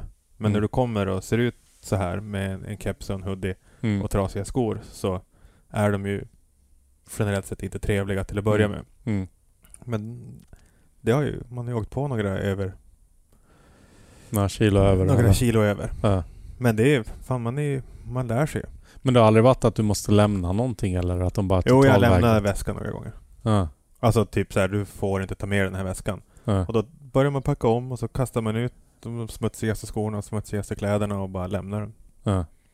Alltså på den, när det blir så, typ om du ska till andra sidan jorden och sen kostar det 400 kronor kilot att ta med väskor. Då skiter man ju i grejerna. Man kollar bara, ah, 10 kilo, är det värt 4000? Ja, ah, nej. Kastar det. Och så när, jag, när jag flög från Kuba så hade jag övervikt och då så säger han eh, under, under the breath som man säger på engelska så här att den ena kan hjälpa den andra. Då skakade jag hand med honom och gav motsvarande 20 kronor. Sen, förs- sen försvann min övervikt. Mm. Välkommen! Mm. Då, då tryckte han, då tog han bort foten från vågen. Nej jag vet inte, det var, var han men det var det. 20 Ja. spänn så var, det, så var den. Det var inga 4000 där. Ja, men jag Ja. fick en, eh, en övervikt en gång när jag hade varit i USA länge. For till Hawaii, klippte en film. Ja. Och sen skulle jag hem till Skellefteå eller Luleå eller någonting. Och då var övervikten 40 000 spänn. Och jag bara, vad fan? Alltså det var inte hutlöst. Tre väskor liksom, incheckade. Men eh, då, där i Hawaii, då tog jag på mig två par byxor. Vanliga byxor. Jean, alltså jeans och snowboardbyxor. Två eller tre tröjor och två eller tre västar och Ja. liksom dunjackor. Ja. Så fyllde jag dem med Ja. typ alla tunga saker. Så Ja. jag gick ju in. Jag Mm. vägde ju liksom 30 kilo mer när jag gick in i flygplanet Mm. med alla mina grejer. Mm. Och då fick jag ingen övervikt. Mm. Men sen fick jag stuva in det där. tog ett halvt sånt där liksom Mm. bagageutrymme där uppe med saker. Och i Nya Zeeland är samma Ja. sak. Man måste alltid varenda gång jag checkar in ett handbagage eller någonting, då brukar jag be föräldrarna eller en kompis typ så här hålla det ena handbagaget Ja, medan jag checkar in. ja just det. Ja. I Nya Zeeland är de liksom nazis Mm. på varenda väska och kilo. Mm. Och då, när du har fått biljetten och ditt boardingkort, då går du tillbaka till din polare, Mm. hämtar den andra Mm. handbagaget. För att när du har bara kameror, hårddiskar och datorer Mm. så kan du inte checka in dem. Mm. Enda gången jag behövt göra det var en sån här sista minuten-resa. Där de vägrade släppa mig på flyget och jag var tvungen att åka dit. Mm. Så då satte jag in laddare, någon lins och någon kamera i eh, incheckat bagage. Mm. Och det bagaget kom inte fram. Mm. Och sen har jag faktiskt listat in, linda in en eh, annan kamera en gång. Mm. Och eh, väskan kom fram men kameran var borta. Ja. Och det finns inga försäkringar för kameror incheckat bagage och sånt. Ja. Shit. Så det är, alltså man har alltid ångest Ja. när man ska flyga. Och, Jo, jag har gjort en sån, eh, vad heter det, flyga med mycket bagage. Jag har i mitt hus i Brasilien och eh, då skulle jag ta med, nu ska vi se, fyra incheckade väskor. Men jag hade ändå panik. Jag hade ju massa kitesurfutrustning också, brädor, två brädor och allt möjligt. Eh, man hade panik. Jag insåg att fan jag får inte, det går inte att packa allt. Så då tog jag min Oakley snowboardjacka XXL som jag inte använt på ett tag. Bara stoppade allting i fickorna och jag vet inte hur man gjorde. Jag gjorde som du också på med alla t-shirts. Ja men jag har ju typ gått in vid gaten när de har tagit mitt handbagage när det är för tungt. Då har jag gått till typ någon butik bredvid och Ja. köpt påsar. Ja, Alltså som man kan köpa souvenirer i. ja Och bara det. tryckt in alla kameror och linser och sånt, huller om buller, i påsarna. Ja. Då är det som lugnt. Men, jag vet inte, det är orimlig ångest man har Mm, när man lever med hårddiskar och kameror. mm, För att det är fan... Det är inte lätt att, re- Alltså det är inte så att man vill resa med mycket handbagage. mm. Fast ändå Ja. mindre ångest än de som har 2,5 kilo kokain i ko- kondomer i magen. Jo men jag avundas ju folk som reser så Det är här. 2,5 kilo kokain i kondomer. Jo, jo, men det är, ju, det är ju mindre än 30 kilo kamerautrustning. Ja, jo. Ja men någon gång har jag åkt ner till Grekland och hälsat på morsan och farsan och så har man bara tagit med ett litet handbagage med typ flipflops Mm. och bara Ja, d- det här är ju sjukt. Så här reser liksom Mm, vanligt folk. mm, Då är det inte ett problem att resa. mm. Men det... Man älskar ju inte att resa, men man älskar ju att åka till nya platser. Mm. Så är det. Vad, vad, vad har du för re, restips egentligen? Fan, åk till Norge. Nej, jag tänkte på själva när du sitter i flyget och sånt. Har du några lifehacks? Nej, fan det är så mycket... Flygreglerna ändras hela tiden. Mm. Nu åkte jag ner till Italien förra veckan i coronatider. Mm. Nu får du betala för alla sorters platser vart du ska sitta. Mm. Vill du ha fönsterplats kostar det 300 kronor Mm. per väg. Vill du... Ja, jag vet inte. Mm. Det finns inga jävla hacks. Jag, jag brukar eh, köra ett tag eh, att jag har en skadad axel.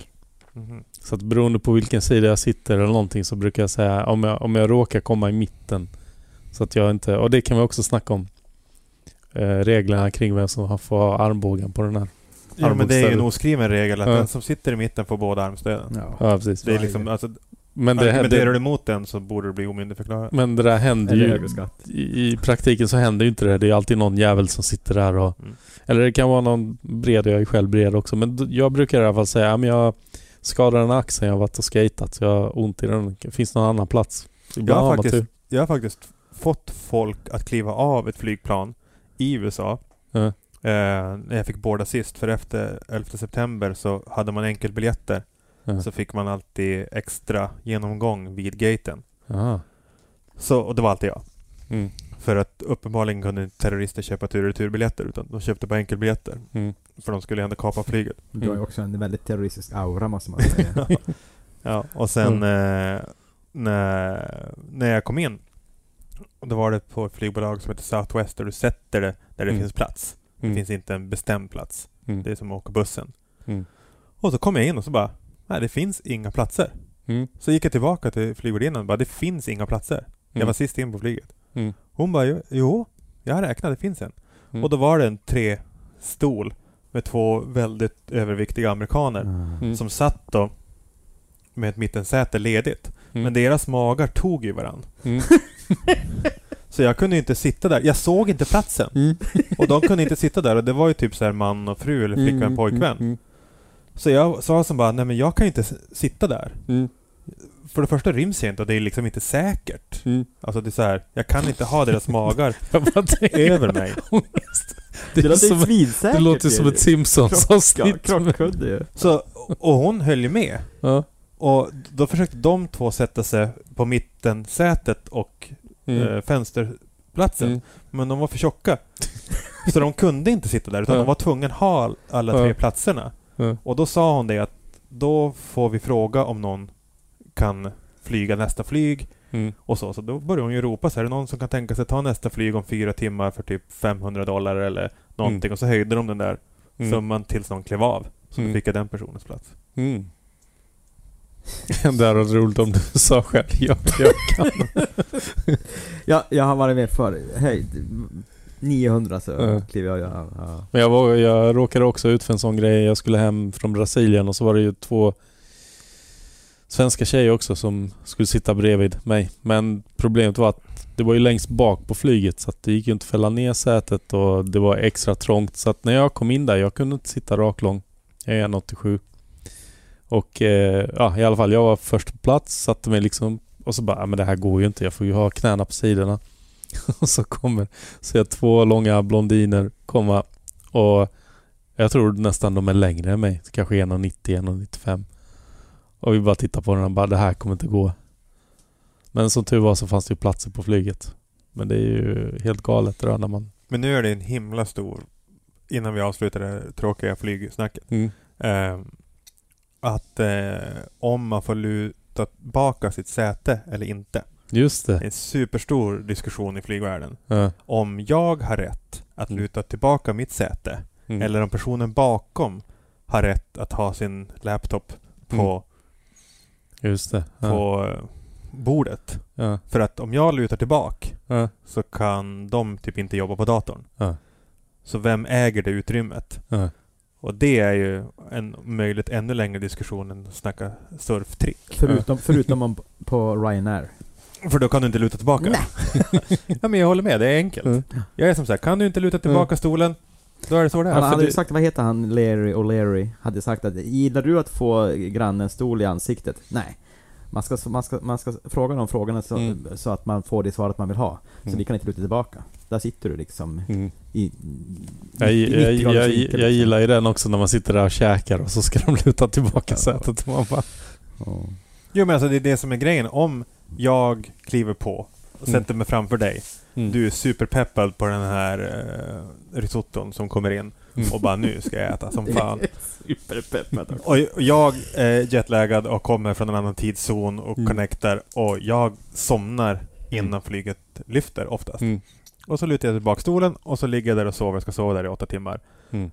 Då när jag ligger där och sover och du ska äta din risotto och tycker att det är för trångt och knacka mig på skallen. Mm. Då blir jag irriterad. Mm. För jag ligger och sover. Mm. Och där har vi ju ett argument som aldrig kommer att lösas. Mm. För folk är ju så jävla berättigade till sin... Ja, Mm. sin... Alltså man, det är ju liksom ett problem från båda håll så man vet att någon måste ju ge vika. jo, det är, inte så att, det är inte så att vi sitter i business class. För Nej. då hade det aldrig varit problem. Men hur mycket business class har du åkt jämfört med vanlig... Vad heter det? Folkklass? Nej, vad säger man? Vanlig klass? Jag vet inte. Jag har inte betalat för det så många gånger men eh, det är ju... Min pappa frågade mig en gång när jag kom hem. Och så frågade mig någonting. Men typ, jag vet inte om jag var gamla Pierre, om jag var butter eller någonting. Hade jag skickat något elakt mail till Tacky, redaktören. Ja, precis. Jag ringde din pappa direkt. och då sa jag att Nej men faktiskt eh, när jag flög hit i eh, Denver så eh, hade jag 35G. Och sen så ropade de upp mitt namn. Och så fick jag 7A. Fick jag flyga business till Frankfurt. Mm. Det var sista gången jag var lycklig. Mm. För att bli uppgraderad till en business-stol. Mm. Eh, det är som, nu spelar inte jag på Lotto men eh, det är väl som att vinna Lotto. Men var det för att du var frequent flyer eller? Ja men typ. Fast de gör inte det per default heller. Mm. Men jag hade definitivt gått fram dit men då är det så här 16 olika...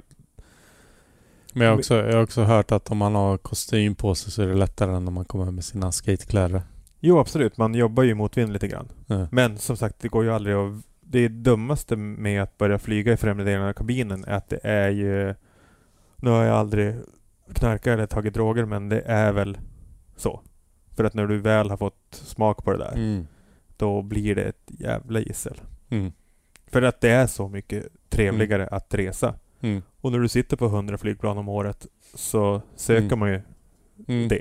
Jag har fått åka business class en gång och det var för att det var lika billigt att köpa uppgradera sig som att köpa extra väskan. Det brukar jag också göra. Ja. Då kan Och- man, alltså det kan kosta Ja. så här 3000 att flyga där fram och så Ja. får du ta med dig två väskor. Ja. Och det är billigare. Och det som jag tyckte var så jävla tråkigt det var att jag kom dit, satte mig, men var jättetrött så jag bara somnade så här för det var så lätt att somna i business class. Och sen vaknade vi framme. Nej, men det är bara, en löjlig upplevelse som jag hoppas Ja. att de flesta får uppleva någon gång. Men Ja. eh, det är ju absolut ingenting att... Alltså man ska Ja. inte sträva efter att flyga speciellt i dessa klimatkänsliga tider. nej, nej. nej, Mitt precis. klimatavtryck på jorden är ju inte helt nej. noll. Nej, jag vet att jag gjorde något sånt här test. De hade här vid simhallarna, Stockholms stad. Och så började de fråga, ja, äger du bil? Bara, nej.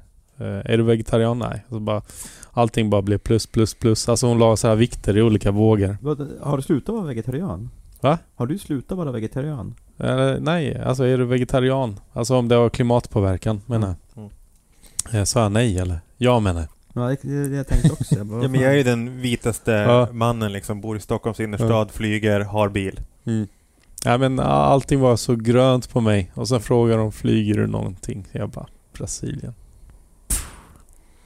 Och det var en gång per år. Men det här är våra barns problem Pierre, det är inte vårt problem. Ja, men jag tycker jag just träffade Jack på tunnelbanan hit. Han verkar ju fan... Han kan ju redan räkna på spanska. Han kommer ju lösa det här. Ja. Mm. Han, Greta och hundra andra svenska ungar kommer ju vara framtiden. Vi Mm. hoppas på det. Men Ska ska vi vi- prata om skateboard istället för Nej, flyg? ja, precis. Jag tänkte vi skulle fortsätta prata om natur. Mm.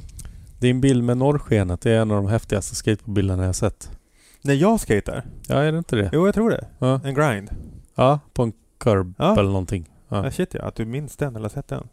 Eh, Eller vadå, du har ju den på Facebook. Jo, jo, men det är bara där den finns. Det är Ja. inte så många som kan Jo, säga men det. jag, jag brukar gå in en gång i månaden på din profil. Nej, jag skojar. Eh, ja, nej, men dels eh, kan jag väl rekommendera alla som lyssnar här att ta bilen, åk till alla fantastiska platser i våra grannland Norge, där det är svindyrt tanka bilen, äta, men eh, alltså våra upplevelser som vi har här i Sverige. Skärgården är fin, västkusten är fin, Mm. Österlen är fint. Men eh, de har ju vattenfall och nationalparker och berg och stigar som inte ens är utmärkta på kartan som vi kallar Mm. Storforsen i Norrbotten dit alla åker. Mm. Alltså de har så jävla grym natur, Mm. ligger supernära och så har de massa coola sådana här rastplatser som man kan skata på. Mm. Och det här var på en av dem. Mm. Och det var bara jag och en kompis som var uppe i Lofoten. Och så ligger det liksom en marmorledge Mm. som är typ som två masonitskivor stor. Mm. 35 centimeter hög. Mm. Och så jag kan inte så många trick. Det är lite one trick pony Mm. nu för tiden. Någon no-slide och någon 50-50 orkar man väl lägga upp. Mm. Så är det en fake i frontside tailslide eller vad var det? Nej, Fake it backtail har jag aldrig kunnat. Ja. Det kunde Altair Sagersten av någon jävla anledning. Mm. Ja. Men jag kunde inte backside tailslide. Mm. Eh, och eh, sen kom det ett jävla norrsken där så slängde upp en slutartikel på typ 5-6 sekunder Mm. och brände av en blixt på en grind. Mm. Men, och så var det, det är fan ett eh, stjärnfall i den bilden också. Mm. Mm. Så åk till Lofoten och Mm. fa, Men det måste ju vara en av de mest unika skatebilderna. Eller hur, vad ska man Alltså säga? jag har ju haft planer att åka dit och dokumentera skateboard på en lite högre nivå än jag och min kompis med en pocketkamera. Mm. För det där var en pocketkamera med en annan pocketkamera som tog blixten. Mm. Ah, shit, alltså vi har en pocketkamera utan blixt. Ja. Och sen tar vi blixten med den andra pocketkameran. ja, precis. Jag Så den- fattar. Så den fångar. Mattias fattar säkert inte. Men... Eh, Ja. Han, sitter i en annan värld ändå. Ja men jag har pitchat Mm. det där för att man... Eh, det är en år där uppe hela jävla oktober, november, december. Mm. Alltså när det går att skata. Mm. Men jag har aldrig tänkt på det som en speciellt unik bild med tanke på att det var bara en privat bild som jag tror aldrig Mm. folk har sett. Mm. Men jag kan bjussa på den till ert Instagram. Mm. Vi kanske kan använda den som eh, avsnittsbild, eller? Ja, kanske. Jag är Mm. inte säker på vilken bild det är. Faktiskt. Nej men det är bara jag som gör en liten grind med ett norrsken. Mm. Men, det är ju- grejen är den när man är uppvuxen med norrsken. Alltså Mm. jag skidade ju till skolan och det var Mm. norrsken. Inte fan brydde jag mig. Mm. Mattias såg ingenting för han bodde i Hertsö centrum. Det Ja. var ljusföroreningar. Och jag har aldrig sett ett norrsken i mitt liv. Nej, min fru såg inte sitt första förrän ja, men typ fem, fyra år sedan kanske. Mm. Men efter 30, typ, Mm. så börjar man, eller börjar jag få en annan uppskattning för naturen. Mm. Innan dess brydde jag mig. Mm. Vattenfall hit, sant. norrsken dit. Fan, Vem fan bryr sig? Fast det måste varit ändå härligt att vara ute på alla snorfilm.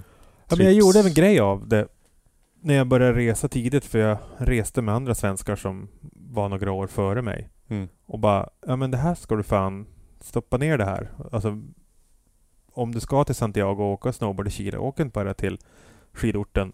Mm. Eller om du åker till Los Angeles, liksom stanna Mm. kvar. Liksom upplev lite grann. Mm. Så det brukar jag alltid göra. Mm. Och varenda gång man äter en exotiskt ställe, Mm. till exempel Japan, då stannar jag alltid kvar Mm. en handfull dagar bara för att Mm. ta in atmosfären. Mm. Man måste livsnjuta lite grann. Ja. Jag är jävligt inspirerad av Mattias när han är i Spanien. Ja. Och bara stannar. Sitter på plazan. Ja. Ja. Kolla på gubbarna. Ja. Ja. Prata med gubbarna det till och med. Liksom åk inte till El Corte Inglés Bästa jag vet. och köp Mm. kläder. Liksom Nej, bara Gud, stanna och dra in liksom kulturen. Mm. Och det är väl helt sjukt egentligen att man har fått göra det för att man en gång åkte skateboard. Mm. Hur, eh, tänkte på, hur kom det sig att du började köra sp- eh, spot-safari ett tag? Med skateboard alltså, menar jag. Ja men absolut.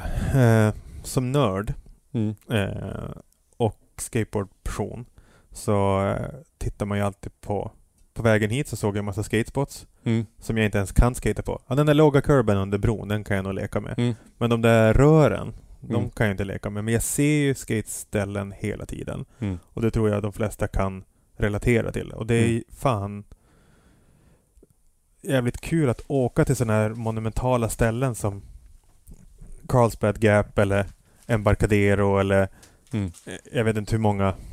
Super Brooklyn Banks ställen som finns. Vi har ju ändå sådana här Mm. monumentala spots Mm. som betyder någonting. Vad är det? Nej, Mattias. Mattias tog en sån, vad, heter de? Mariecheck? Nej, vad heter de? Så har du kex? Ja, jag vet. Ja. Vad jag vet. Fan vad det, vad det gör ont i huvudet. Ja, nej. Kex kommer jag också kalla det. Ja. Nej, så han upptäckte. Jag bara såg när han tog första tuggan. Han bara, det här kommer inte gå. Jag håller på att, vi ska ju komma hem till middagen. Jag håller på att dö. Ja. Mm. Eh, Fortsätt, förlåt Pierre. Eh, Kan ju tugga färdigt. Svälj den hel. kan du kapa hans mikrofon i, i redigeringen? Jo, jag kan, men det, är är det tre spår? det, det måste jag ju. Alltså jag... Sluta tjafsa nu och fortsätt. Det är inte så att jag kapar... eh, Tyst nu, fortsätt. Vad sa du Pierre? Ja, nej, men som... Jag kanske börjar om. Som skate-nörd Mm. så har man ju sett eh, många ställen. Och i vuxen ålder, till och med när man är 40 plus, så blir man ju lite pepp när man Mm. åker förbi tredje gatan i Santa Monica och så ser man den här brandposten som Natas ollar Mm. över. Eller den brandposten som Natas snurrar runt på. Mataspinn. Ja, alltså, och sådana där saker ser man ju i Men är det, mycket i Kalifornien. Är, är det av en slump då du har hittat ställen eller har du aktivt sökt upp Natas? Nej men nu tror jag aktivt att jag har sökt upp specifika ställen. Alltså det är Mm. från, det spelar ingen roll om det är från en gammal A1 Mm. Meets-film eller...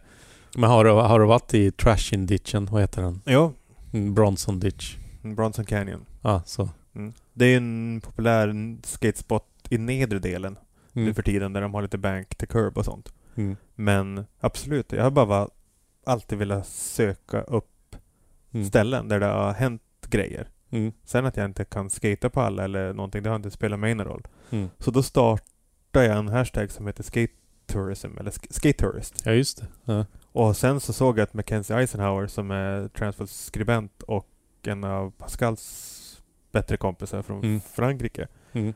Han hade ett sånt konto som Mm. heter Dead Hippie.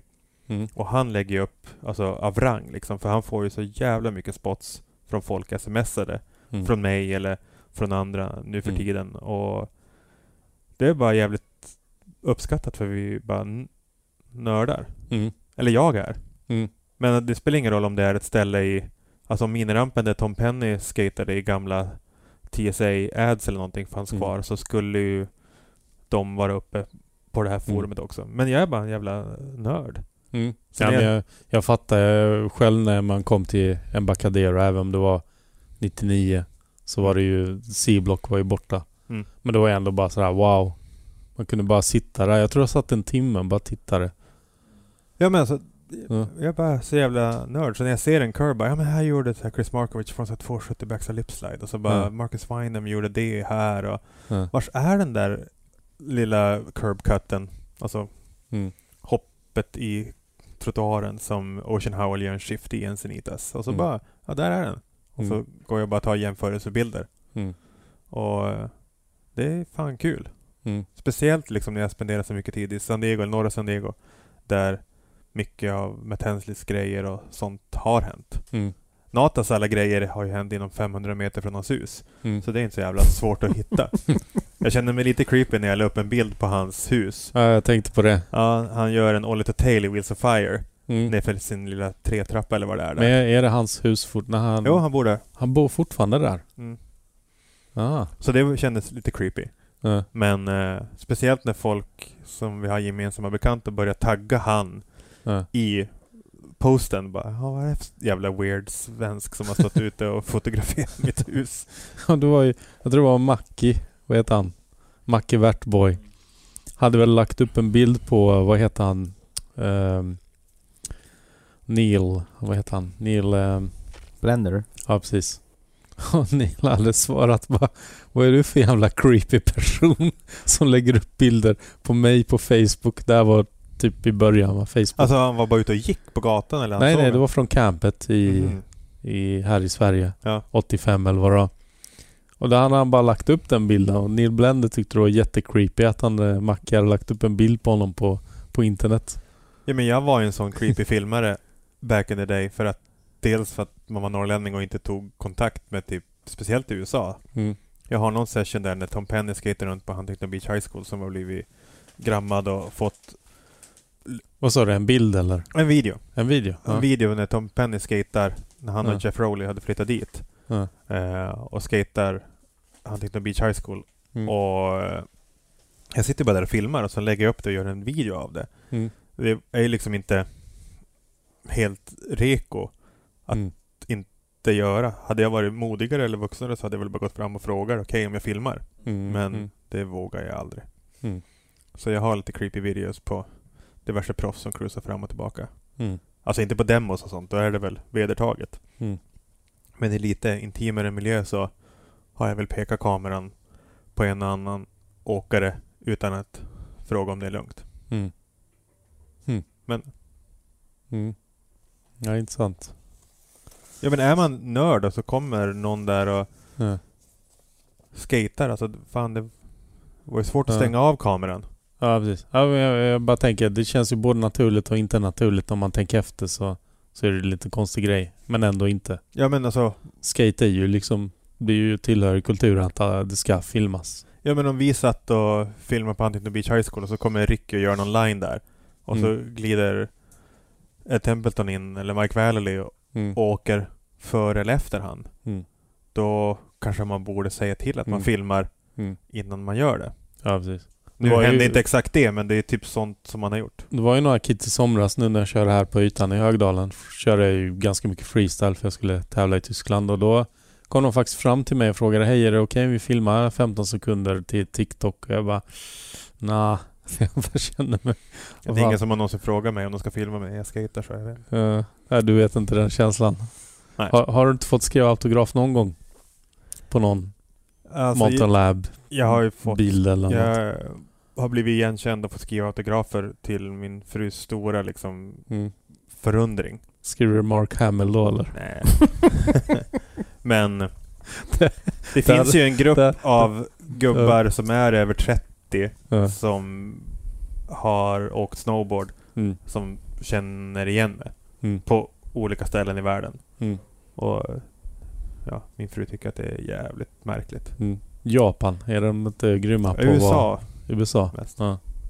Och jag trodde alltså jag tyck, som sagt, du hade en kompis som såg ut som mig som en någon dubbelgångare och Ja. jag tänker inte att man ser ut på ett speciellt sätt. Sen i snowboardvärlden har man ju alltid en jävla mössa och goggles på sig så att ingen Ja. känner igen någon. Ja. Nu när jag får till Italien när alla reser med jävla coronamaskar. Ja. Jag stod ju typ så här vid gaten och kände inte igen mina kompisar. Mm. För att man är liksom Nej. förklädd. Mm. Så att, För, för- det hade jag ju när jag jobbade med tacky och var uppe i bergen liksom och fotade och sånt. Och så kommer någon fram och börjar snacka med en och de har ju liksom... Man ser ju bara lite del av munnen liksom. men än idag, om Men- det är någon som jag Ja. känner, en bekant, Ja. så typ lyfter jag ju på gogglesarna så att man ser vem man är. Ja. För att det är typ...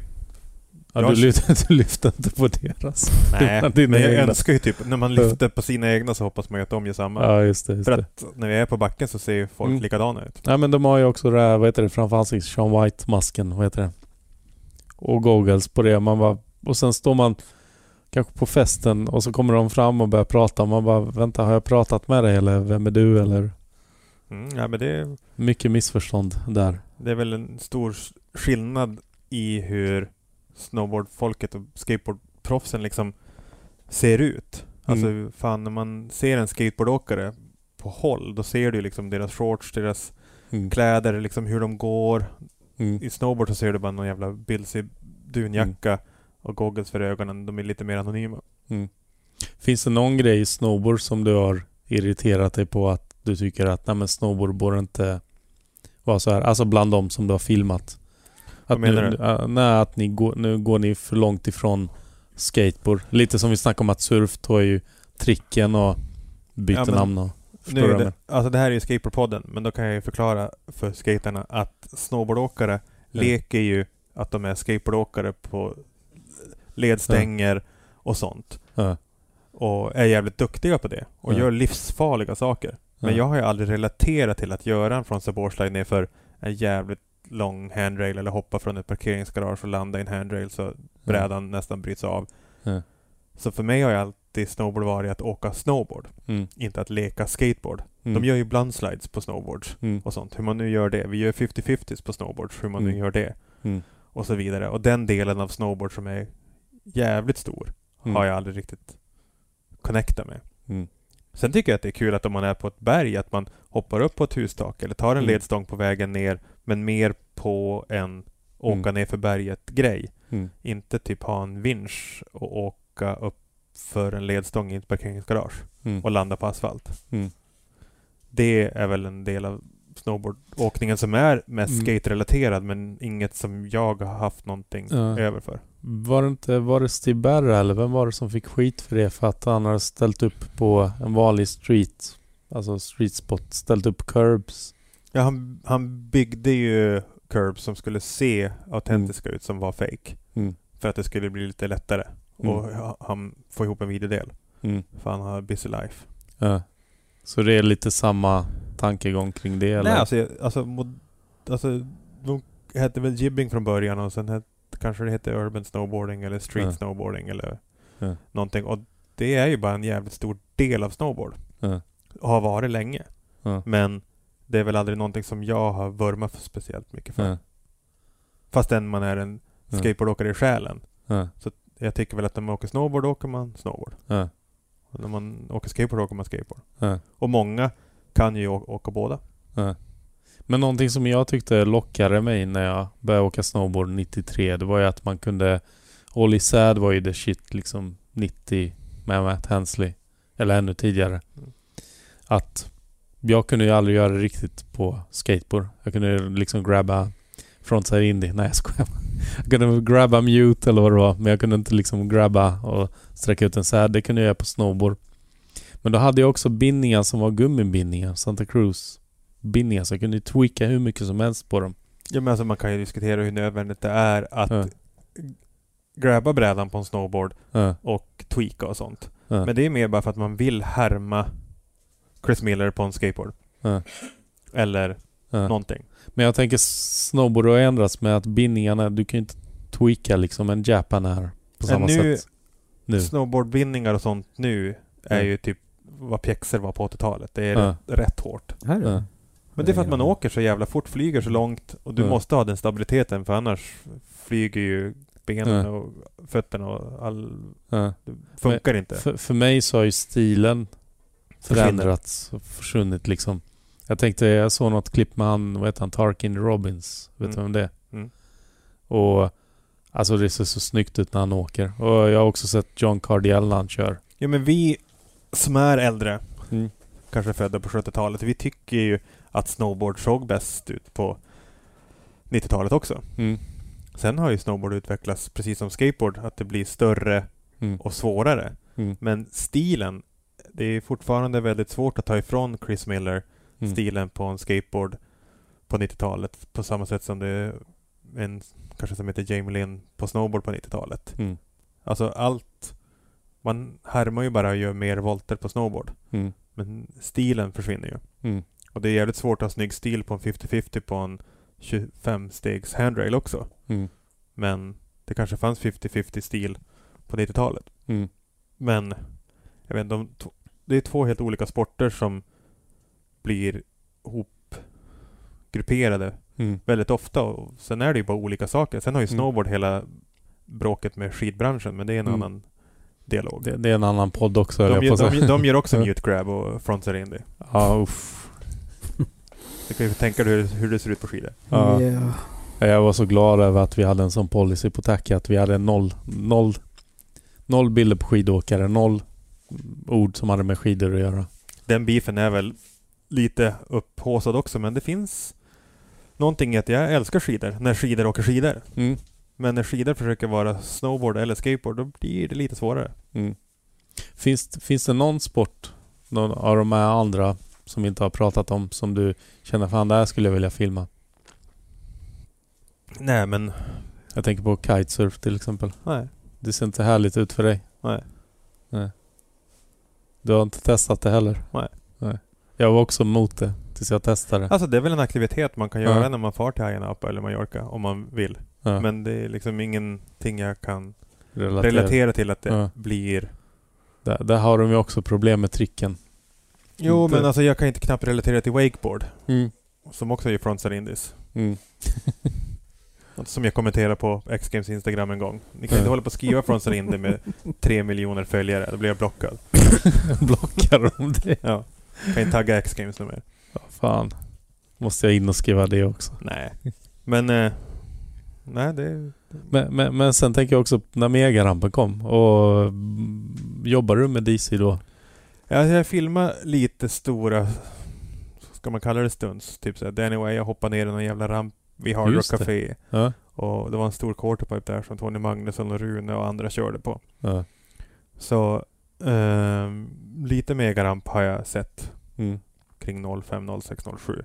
Men vad tyckte du om det när det kom in? För det var ju ganska Nej men det var ju helt orimligt. Ja. Det var orimligt coolt för Danny Way gjorde backside 540 tail grabs över ett stort jävla skateboardhopp liksom. Utan, han gjorde ju snowboardtrick utan bindningar. Ja.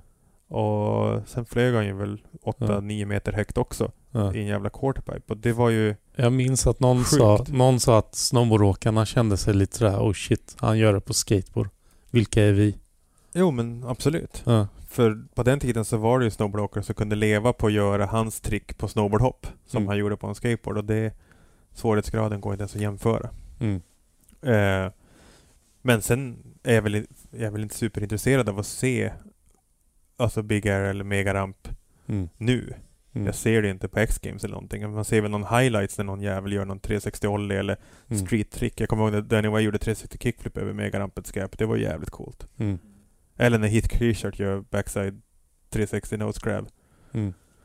över Megarampen som streetåkare. Mm. Då tycker jag väl att det är coolt. Men alltså det känns ju väldigt, eller vad ska man säga, Andy McDonald kompatibelt. Mm. Kanske med tanke på att han var en av de första som gjorde det. Mm. Det vill- Kan du pausa? Var, var var vi någonstans? Vi var tvungna att sparka ut Mattias. Han var så odräglig. Ja, stackarn. ja. Ja, nej men det är, det är lugnt. Vi kör Dennis. Mm. Eh, var var vi någonstans? Vi pratade mycket om eh, skateboard versus snowboard. Eller inte versus, men eh, likheter och olikheter. Ja, vi körde lite likheter. Ja, just det. Megaramp. Ja, nej men jag har ju sett lite Megaramp Mm. och som sagt det Jag vet inte vad jag ska säga om det. det är, Mm. Megaramp är någonting som kom upp i Danny Ways huvud liksom. Mm. Som DC sponsrade. Och det kom väl kanske upp i någon annans huvud först men Mm. Danny var väl den som gjorde Mm. någonting riktigt av det. Mm. Och sen Bob och Elliot Sloan nu som har världens Mm. jävla Mm. park. Men det är ju bara en del av skateboard som inte är så jävla... Det går inte riktigt att relatera till Mm. för många. Mm. Men det är fortfarande mäktigt. Mm.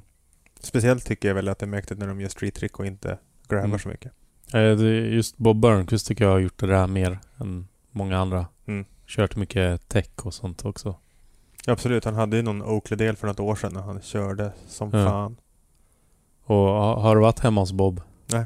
Det alltså när man står där, man, pff, den är ju så... Jag har ju varit på X-Games men X-Games kommer jag ju inte riktigt så nära in på. Alltså så att man står nere på rampen. Men där vid Bob så... Man bara tittar upp och det känns som ett gigantiskt höghus. Det känns så overkligt. Men jag har sett några göra lip tricks på megarampen. Ja, Det ser jävligt coolt ut för att det är så... När de gör blunt to fakey och ja. pivot to fakey och sånt. Det ser så jävla långsamt ut. Mm, En blunt to fakey där uppe ser... Det ser overkligt ut. mm. Har, du, har du varit uppe på platån på Jag det? har stått på platån och Ja. till och med... Jag tror inte jag sett så stora airs. Men typ fyra, fem meters airs. Fyra. Ja. Och det är ju någonting som de värmer upp i. Alltså Bob gör ju 720 till fakey tror jag. I hans ramp. Och den är säkert fem Ja. meter hög. Ja. Att se det från hyllan måste vara helt jävla overkligt. För att inte prata om, jag tror han har en lika hög ollie till fakey. Mm. Och det fattar jag inte riktigt heller. Hur det ska gå till. Helt galet. Det, och, och sen helt galet att ha en sån på sin eh, baksida också. Jo men de har ju listat ut att om man flyttar ut i öknen där det finns lite mark och sånt så Mm. går det ju... De, det är deras karriärer. De måste ju ha Mm. skateparker. Manny Santiago har en skatepark. Cheyenne O'Neill har en skatepark. Mm. De behöver det för att få Mm. nio poängare på Street League. Mm. Vad, eh, vad var det bästa boendet du hade i USA? Hade du något sånt här eget hus eller? Eller Jag har alltid hyrt hus periodvis när jag varit där nere. Ja. Och alla har väl haft sin charm. Ja. Det är väl bara... Alltså det är väl inget speciellt fokus på boendet utan det är Mm. mer att man kan vara där. Äta Mm. där, lukta på havet, träffa sina kompisar Mm. och leva i någon slags Mm. Kalifornienbubbla. Mm. Men eh, nej, inga... Jag tänker mer att du har varit mer sådär, "Ja, men jag behöver bara ett ställe att slagga på för att du är runt hela tiden. Och är du... Ja, har du några lugna dagar så kanske du ändå är ute eftersom det är fint väder. Ja, men jag hyrde ett hus i ett år i Encinitas utanför San Diego Mm. 2007. Och eh, då eh, kom jag ihåg att jag skulle inreda garderoben där. Mm. Och då hade inte jag haft kläder i en garderob på många år. Mm. Och sen efter en eller två tvättar så slutade jag sätta in det i garderoben för att jag kände att jag reste så mycket ändå. Så det var bara att sätta det i resväskan. Mm.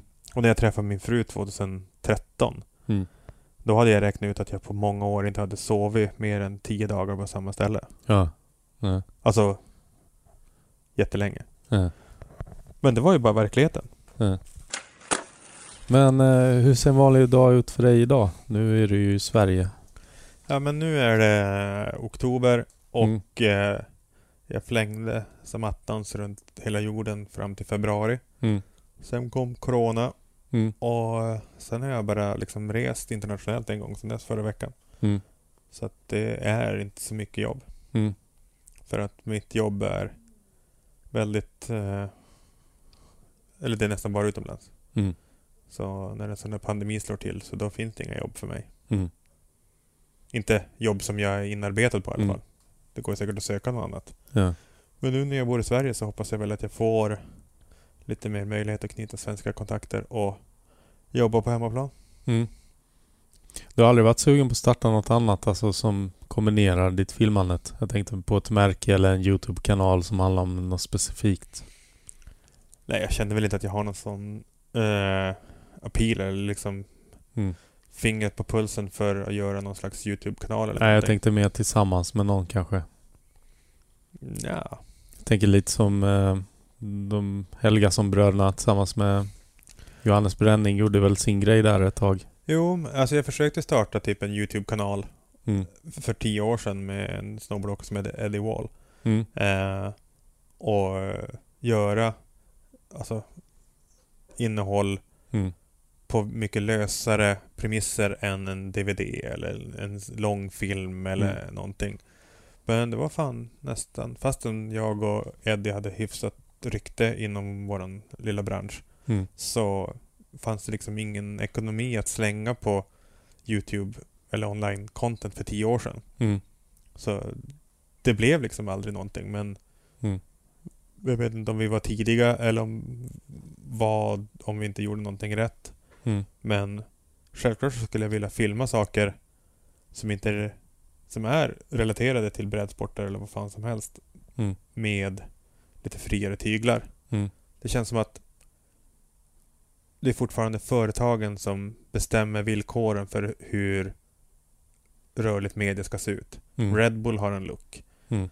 Och sen är det fortfarande väldigt många som gör skatefilmer. Mm. Alltså till och med alltså på ganska hög nivå. Det kanske Mm. bara är en eller två om året men det kommer in alltid något jävla projekt Mm. som är hyfsat. Från Girl eller från America eller Mm. någonting. Men snowboardbranschen är väldigt lost liksom. Mm. Ja, vad har hänt? För det gick ju ner sig. Det känns som också när Nike kom och ställde till det lite precis som inom skateboard så drog de pluggen ur helt från snowboard. Ja, Nike hade en superbra grej på gång. De gjorde Mm. världens bästa boots, de hade superbra åkare, Mm. de anställde bra filmare och gjorde rätt originella grejer. De anställde rätt folk Mm. Eh, och gjorde bra saker. Och sen var det någon sut på Nike som bara, nej men det här drar inte in nog mycket pengar. Mm. Så då sket de i det. Och då var Pajar, de, pajar inte det rätt mycket för snowboard? det tror jag. Ja. Alltså dels för många som levde på det. Ja. Men också bra material. Jag jobbade inte åt Nike någonsin tror jag. Ja. Kanske något litet frilansprojekt. Men eh, de som gjorde saker åt Nike gjorde ju bra saker. Mm. Och nu är det väl bara sådana företag som Burton Mm. som gör någonting. Men det är Mm. fortfarande inte så mycket originella saker. Och det är väl det snowboardbranschen tycker jag är mycket mer sökande än skateboardbranschen. Skateboardbranschen är nog lite tryggare i sig själv. Mm. Baker gör vad Baker gör. Mm. Fucking Awesome gör det de gör. Mm. Snowboard tittar till nästan alltid på skateboard. Mm. Vad gör skateboard? Mm. Och så gör man det med en twist, Mm. typ. Men jag tänkte att skateboard kan ju lära sig grejer från snowboard också. Till exempel, ja, men vad händer om Nike skulle komma bort från skateboard helt plötsligt och OS är en annan grej liksom. Ja, men jag tror att eh, skateboard kan lära sig, speciellt som du sa om OS från Mm. snowboard. Mm. Snowboard har ändå hållit på att tjafsa med IOK sedan 98. Mm. Eller ännu tidigare än det. Mm. Och eh, det är fortfarande inte bra. Mm. Så det är väldigt naivt kanske av skateboard att tro att de kan göra ett bra intryck eller göra den bästa showen Mm. man kan. Mm. Och det är väl det jag tycker är så tragiskt med snowboard att typ som i Sochi till exempel när halfpipen var helt värdelös Mm. och han som borde ha vunnit ramlade en meter innan mållinjen i Mm. halfpipeåket för att det var så jävla dåligt underlag. Vänta, det här var första... Nej, Eh, Sochi. Sochi. När var det? 14. 14? Ja, just det. Så det var... Visst var Japan den första? Nagano var Nagano. 98. Ja, precis. Så var det. Ja. Eh, så man vill ju typ att när det är OS i skateboard eller snowboard eller vilken jävla sport som helst så ska man väl ge den bästa showen som finns. Mm. Och så har det absolut inte varit inom snowboard alltid. Mm. Det har ju varit bra. Salt Lake 02 var väl rätt bra och sådär. Mm. Men det är fortfarande ett jävla tjafs för att det är ju alltid skidförbunderna som får pengarna, Mm. allt stöd och sen kommer snowboard in och räddar Mm. tittarsiffrorna och Mm. sen så får man ingenting för det. Mm. Och det har varit väldigt svårt i en sån kultur som som skateboard är väldigt lik snowboard att man är inte liksom superstolt över sitt land. Mm. Brasilianare kanske är det. Mm. Men typ eh, Oliveira kanske är mer brasilianare än han är proffs på flip. Mm. Men i vad ska man säga, Spanky kanske är mer en Baker-kille än han är amerikan. Mm. Och så är snowboard också. Mm. Så när du då ska in i ett, typ ett fack, ett sportfack som säger länder, Mm.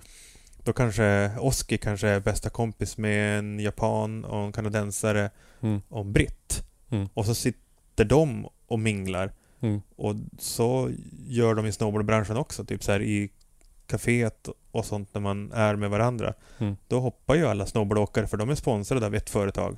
Mm. Och då är de kompisar med varandra. Mm. Typ som om ja, men vi är kompisar Mm. över landsgränserna. Mm. Och då sitter ju alla andra skidåkare och sånt och bara Mm. blänger på dem. Vad fan, de sitter där och pratar om alla Mm. hemligheter. Ja, man tänker ju... Jag tänker typ precis på att Bojan Krishaj och vad heter det, Ingemar Stenmark hängde med varandra fast de kör för Elan båda.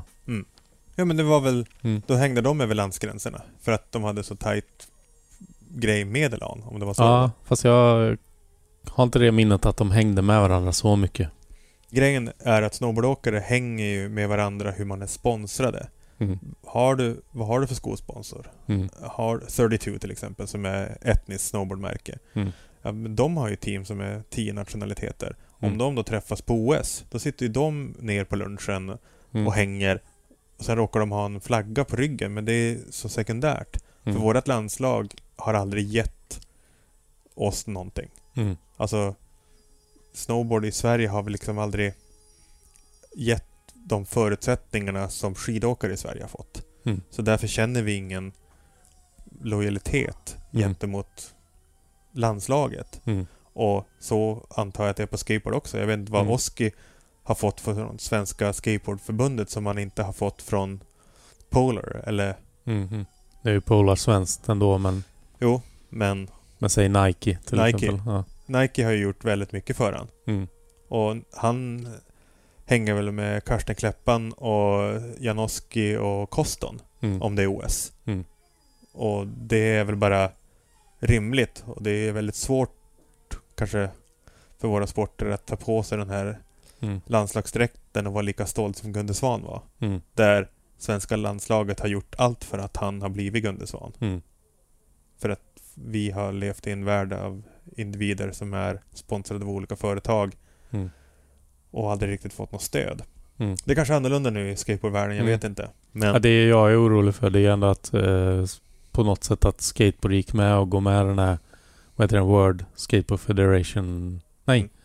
Roller Federation, eller vad är det? Alltså det är där, ett tag, där ett tag var de ju med i de här velodromcyklistförbundet. Mm.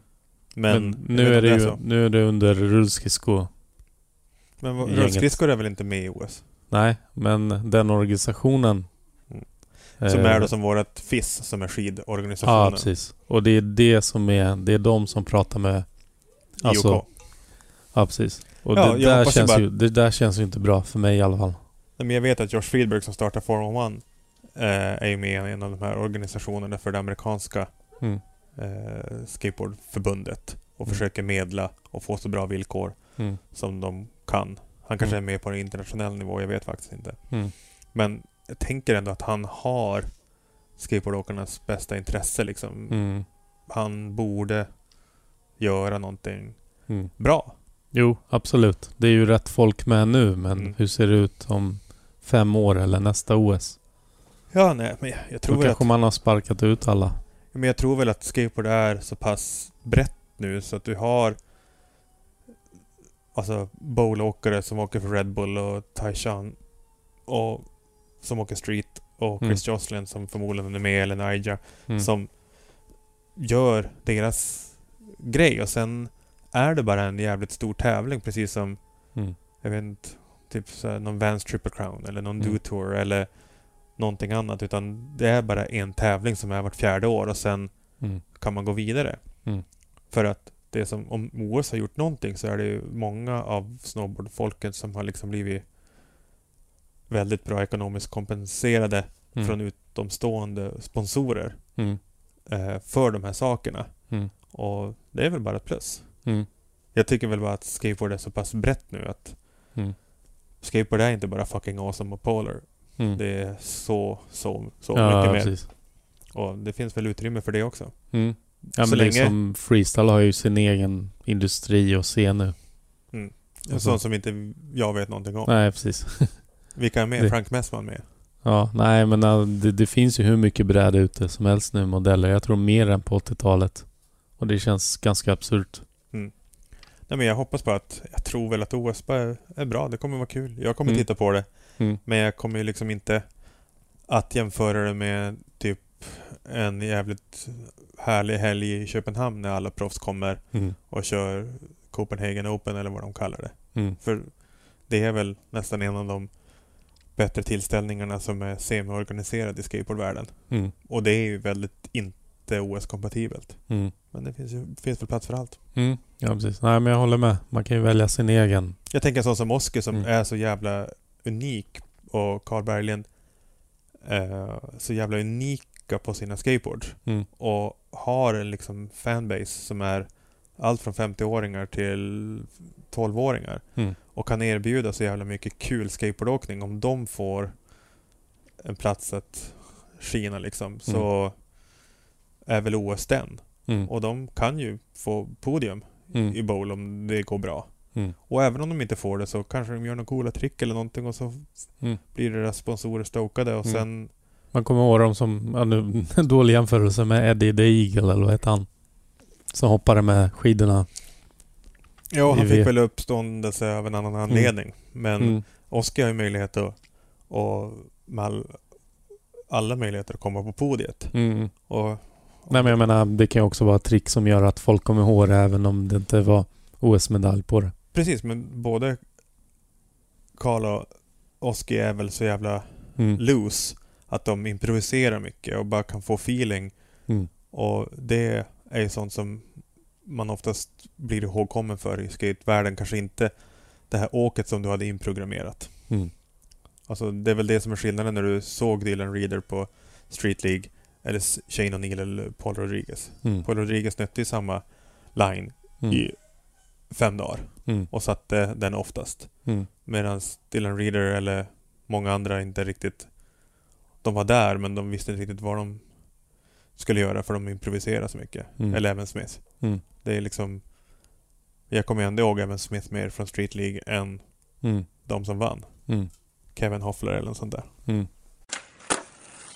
Ja, ska vi runda av lite? Eller hur känns det? det de håller på att så, såga för fullt här också. Ja, jag vet inte vad, vad podcasterna hör. Mm. Eh, vem skulle du vilja se i podden? Eller vänta lite, vi har en annan fråga. Vem vill du ta med till en öde ö? Ja, eh, i skateboardvärlden. Eller Ja, Så. eller snowboard också eftersom du har varit mycket i den. Ja, men det vore väl kul att ta med min följeslagare Ika Bäckström som är snowboardåkare för DC som jag har känt i nästan Mm. hela mitt liv. Han är som en, eh, en lillebror åt mig. Mm. Så vi skulle nog ha ganska kul på nu. Tills våra ADHD eller våra tålamod tog Mm. död på varandra och en började simma därifrån. Mm. Men eh, det är väl någon jag skulle kunna tänka mig kunna umgås med en längre tid. Mm. Eh, det tror jag. Mm. Och vem skulle du vilja se i podden? Med tanke på att skateboard för mig var väldigt mycket 90-tal så är det väl de man vill lyssna på. Alltså allt från Gordon Boberg har gjort mycket för skateboard i Sverige. Mm. Speciellt under en tid där jag tror skateboard växte på ett organiskt och unikt Mm. sätt. Mm. Och sen Pontus Alv, Mm. Love, Mm. Jonas Son, Mm. folk från JIS på tiden. Mm. De skulle jag gärna lyssna på. Ja. Nej, men vi hoppas att vi får in alla dem i podden. Förr eller senare så ska de in. Tjompa. Chompa ja. Ja, han måste vi också ha. Um, nej, som sagt. Det är, Mm. det är bara beta av teamlistorna från 90-talet. Mm. Och se vilka som... Du menar part, part till 89, resultatlistan? Ja, vi kan ta in, eh, kan ta in eh, Tony Jansson och, Mm. och några andra också. Mm. Men eh, man är så... Engelka har inte varit med. Nej. Nej, det är, nej, det är bara köra, köra J-spot-rostern. Mm. Och lite andra Mm. som inte var med på J-spot. Mm. Ja, det är sjukt kul att ta in dem i samma rum också samtidigt någon gång. Ja men ta med sig J-spot Mm. när de går på de där järnvägen. Mm. Just det.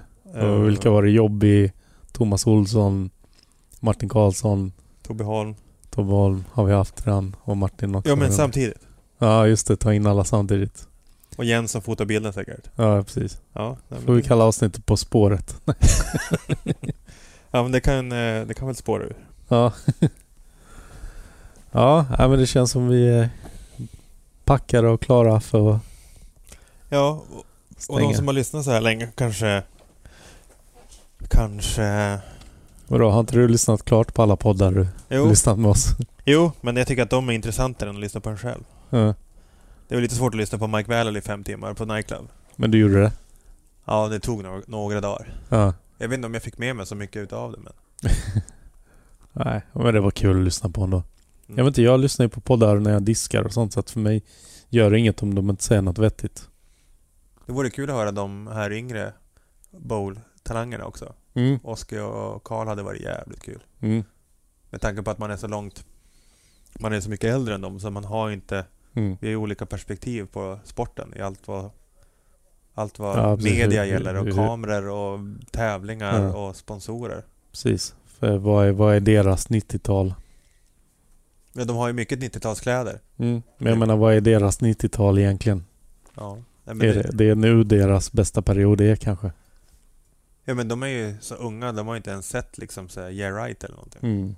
Mm. De, Eller så har de. eller så har de det. Ja. Men det var kanske deras eh, video days, jag har ingen aning. Mm. Men det är, jag är jävligt intresserad av att höra vad, de, vad det yngre Mm. gardet har Mm. i tankarna. Mm.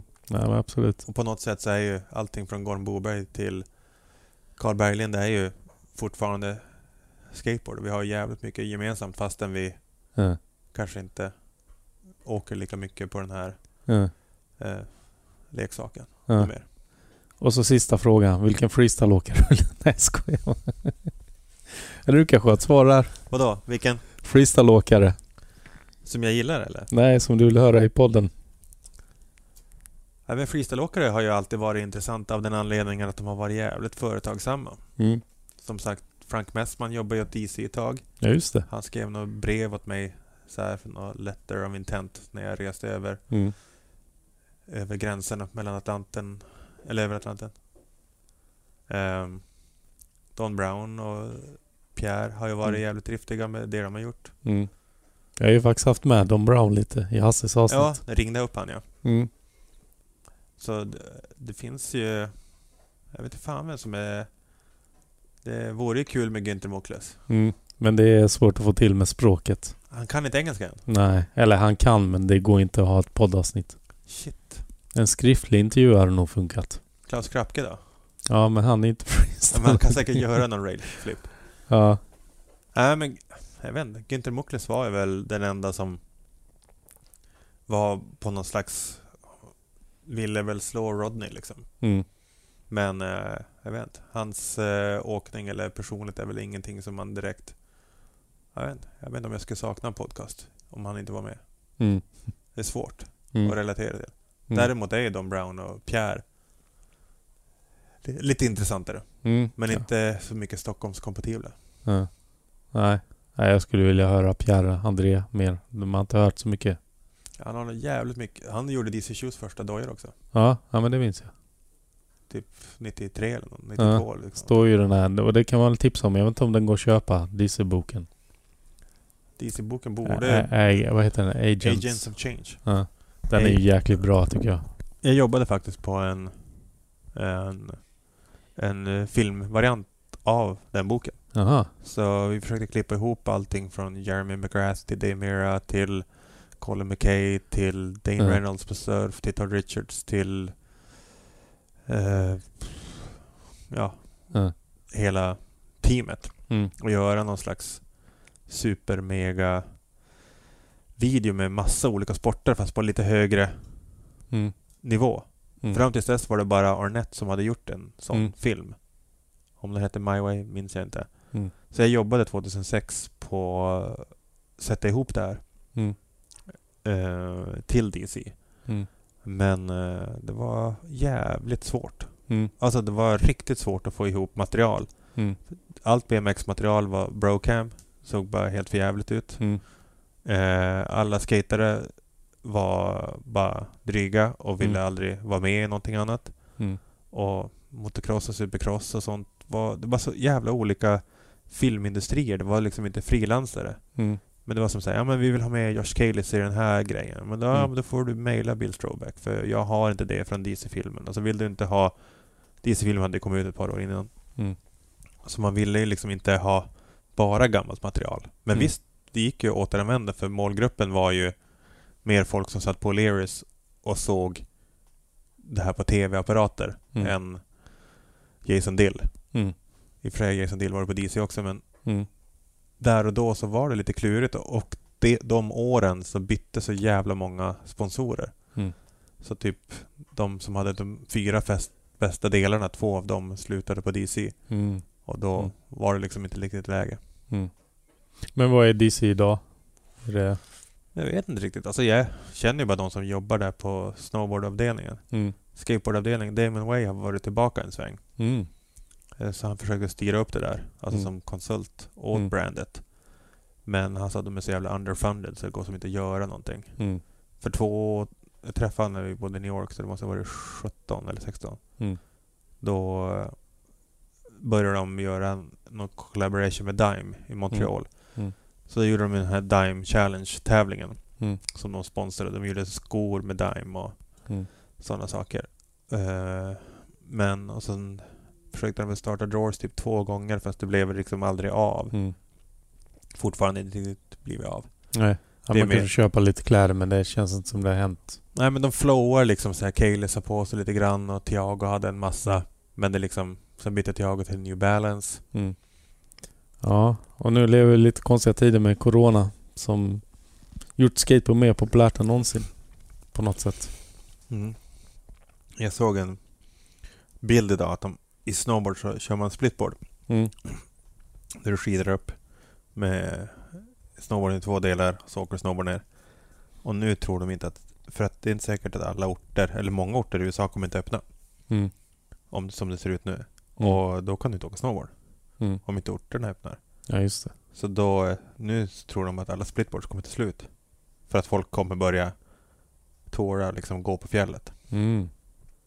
I Sverige kommer ju orterna öppet på något Mm. sätt. Ja. Men i USA så kan de inte riktigt ha det. För att om Mm. du grupperar ihop folk Mm. i en skidort, typ Åre fast i Mm. Park City, Utah. Mm. Och så får någon typ Corona Mm. där den helgen. Mm. Då kan de typ stämma skidorten. Jaha. För att de inte garanterade nog långt mellanrum och så vidare. Fan, kanske jibbing inom snowboard blir ännu större. Alltså handrails och grejer. Ja. Nej men det är ju stort. Mm. Det är typ som min kompis Kuske Mm. som filmar snowboard åt Scandinavians. Mm. De kör ju typ 50% sån åkning för att det är det som är Mm. relaterbart och gratis och enkelt att filma ganska produktivt. Mm. Men det har ju aldrig liksom fastnat på min näthinna. Det är Mm. ingenting. Men det är, det är imponerande. Mm. Men att hoppa liksom och göra en 360 ner för ett parkeringshus är liksom inte snowboard för mig. Mm. Men om du åker i Åre och det ligger en fallen trädstock eller någonting och så åker du på den och gör en 360 Mm. ner på en väg. Då, Mm. då är du ändå i miljön. Ja, precis. Men som sagt, där är jag ju bara lite gammal och out of touch. Mm. Eh, nej, men jag skulle vilja tacka dig för att du kom hit och var med i podden. Det var grymt att höra. Tack för att jag fick vara med Mm. och att vi lärde oss ett annat om mästerkort. Ja, just det.